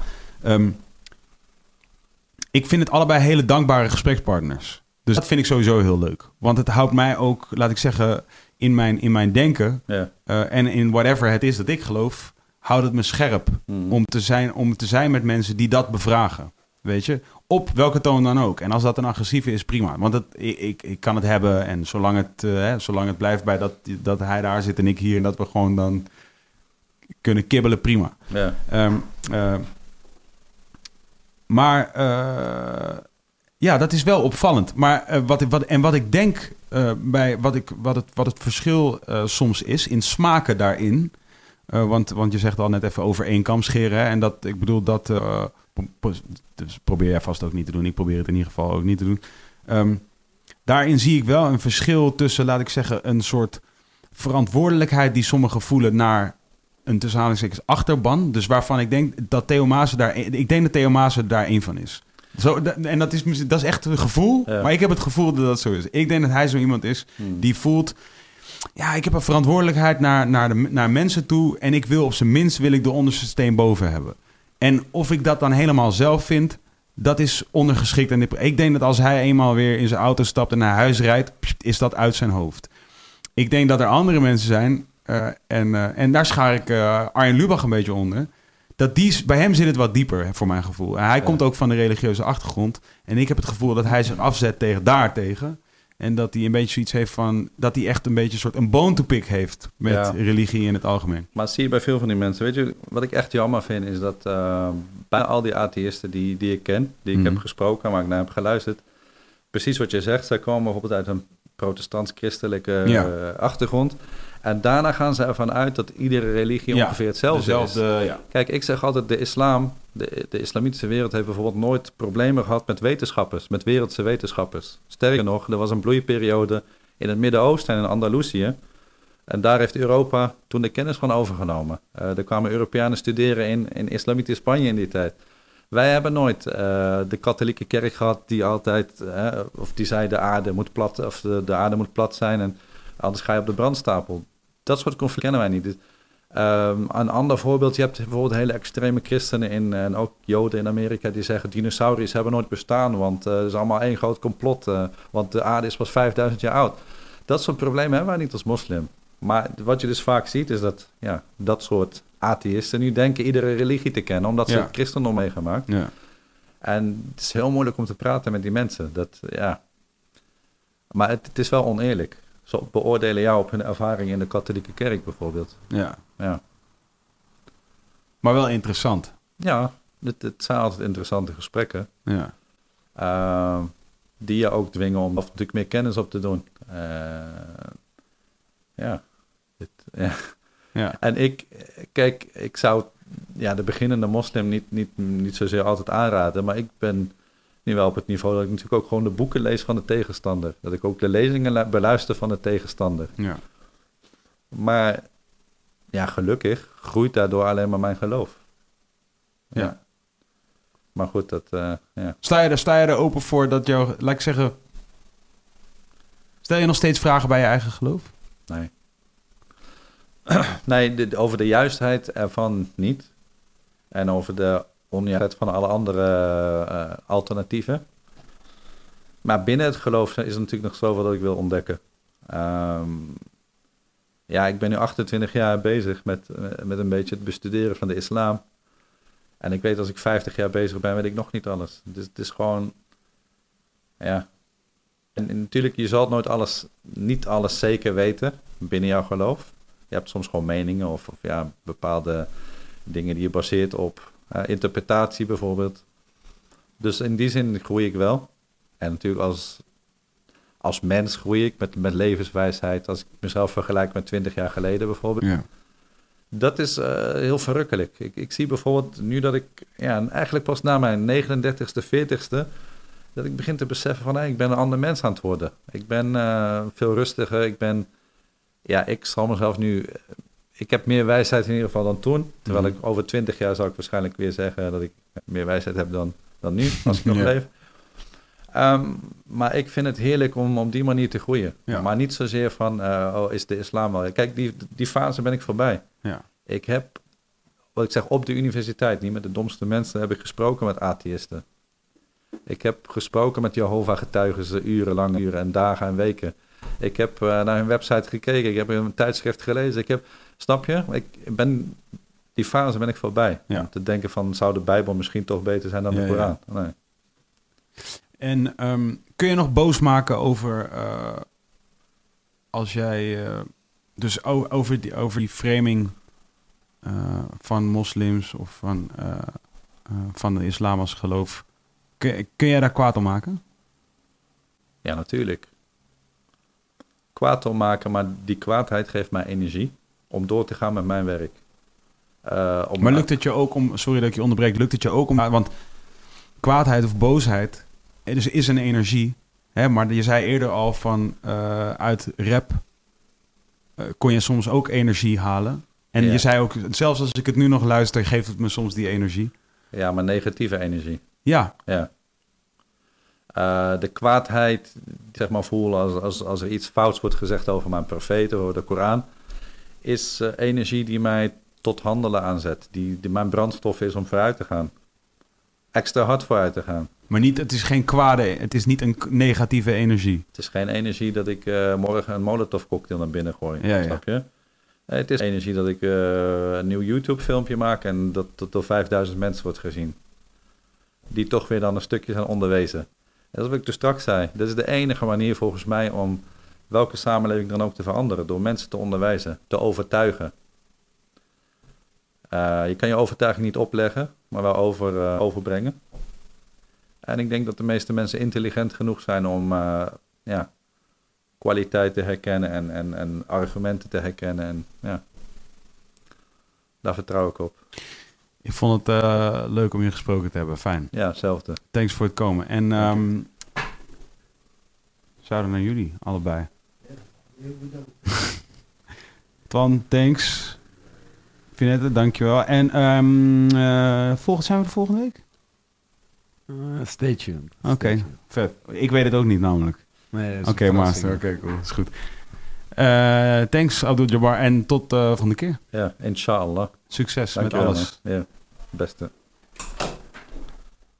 Alright. Alright, motherfuckers. Zijn we alweer klaar? Postroltje. Ja, toch? Ja, we hebben het net gehad. Well, we Hele post rolling now. aflevering. We post rolling now. Dank jullie wel voor het luisteren naar Wilde Haren, de podcast. Deze aflevering is weer mede mogelijk gemaakt door Wilde Haren, de podcast. Dus als jij houdt van Wilde Haren, de podcast, zoals Wilde Haren, de podcast houdt van Wilde Haren, de podcast, ga dan even naar de iTunes-app en rate de Wilde Haren, de podcast met 5 stars, 5 sterren, 5 sterren. Ja, weet ik veel. Snap je? Ehm, ja, geef ons gewoon, eh, geef ons gewoon die 5 sterretjes. Word even abonnee. Doe de damn thing. Ga even naar YouTube. YouTube.com slash Wildharen de podcast. Abonneer. Like. Thumbs up. You know the drill. Ehm, ga ook even naar Instagram.com slash Wildharen de podcast. Ga naar Twitter.com slash Wildharen de PC. Ik zit niet meer op Twitter, Edwan. Het valt me op de laatste tijd. Wat uh, what's going on? Goeie voornemens, bro. Fuck die hele shit. Mm. Fuck jou en jouw bubbel. I'm not in it anymore. Ik heb niks... ge- Heel januari gewoon, I'm off. I, I was done with it. Ik ben, ik ben weg. Instagram only now. Beetje Facebook. Maar meer voor mijn tantes en ooms. Er is ook een nieuw, eh, nieuw Instagram kanaal heb ik gezien. Really? Ja, it's not official JC. Oh ja, de Visual Jay-Z, ja. Ja, we, we doen ons best. Het is nog niet helemaal wat het moet zijn, maar het is wel very funny, right? I love it. Weet je hoe dat, voor, weet je hoe dat is gekomen? Nee. Er was een keer een guy op mijn Instagram die zei... Je moet niet denken dat je Jay-Z bent. La la la la la In mijn hoofd vertelt Simon dit nu tegen mij. Ja? Ja. Hoezo? Gewoon, je moet niet denken dat JC bent. Ik Oh, ja. hoor hem Nou, dit was gewoon een kill die zei dit tegen mij. En toen... eh I got inspired. Een whole meme galore. Ja, meme galore. En er is dus nu de account Not Jay-Z Official. Go follow that. Go follow that shit. Moest ik nog iets anders verkopen? Truien, t-shirts, you know the drill. Ramplantwan, at wildeharedepodcast.nl. Val hem lastig. Suggereer gasten. Stel vragen. ehm, show hem support. Eh, want hij heeft, het, eh, ja, hij heeft het moeilijk nog steeds met, eh, met, met mij. Ja. Met, Oh, met leven gaat wel goed, toch? Je leven Mhm. gaat goed. Lekker. Helemaal lekker? Tevreden? Shout-out ook- ah, nou, ga je dit doen in de postrol van een, van een podcast die al jarenlang goddamn zoveel geld kost? Voor mij ga jij eventjes soort stoer doen met dat je geld krijgt bij, voor ander werk. Ja, maar ik, ik doe dit met liefde. Nee, dat is, dat is toch juist het enige om stoer te doen langste postrol in de geschiedenis van podcasting, kan ik mij zo voorstellen. Dankjewel, dames en heren. Zie jullie volgende week.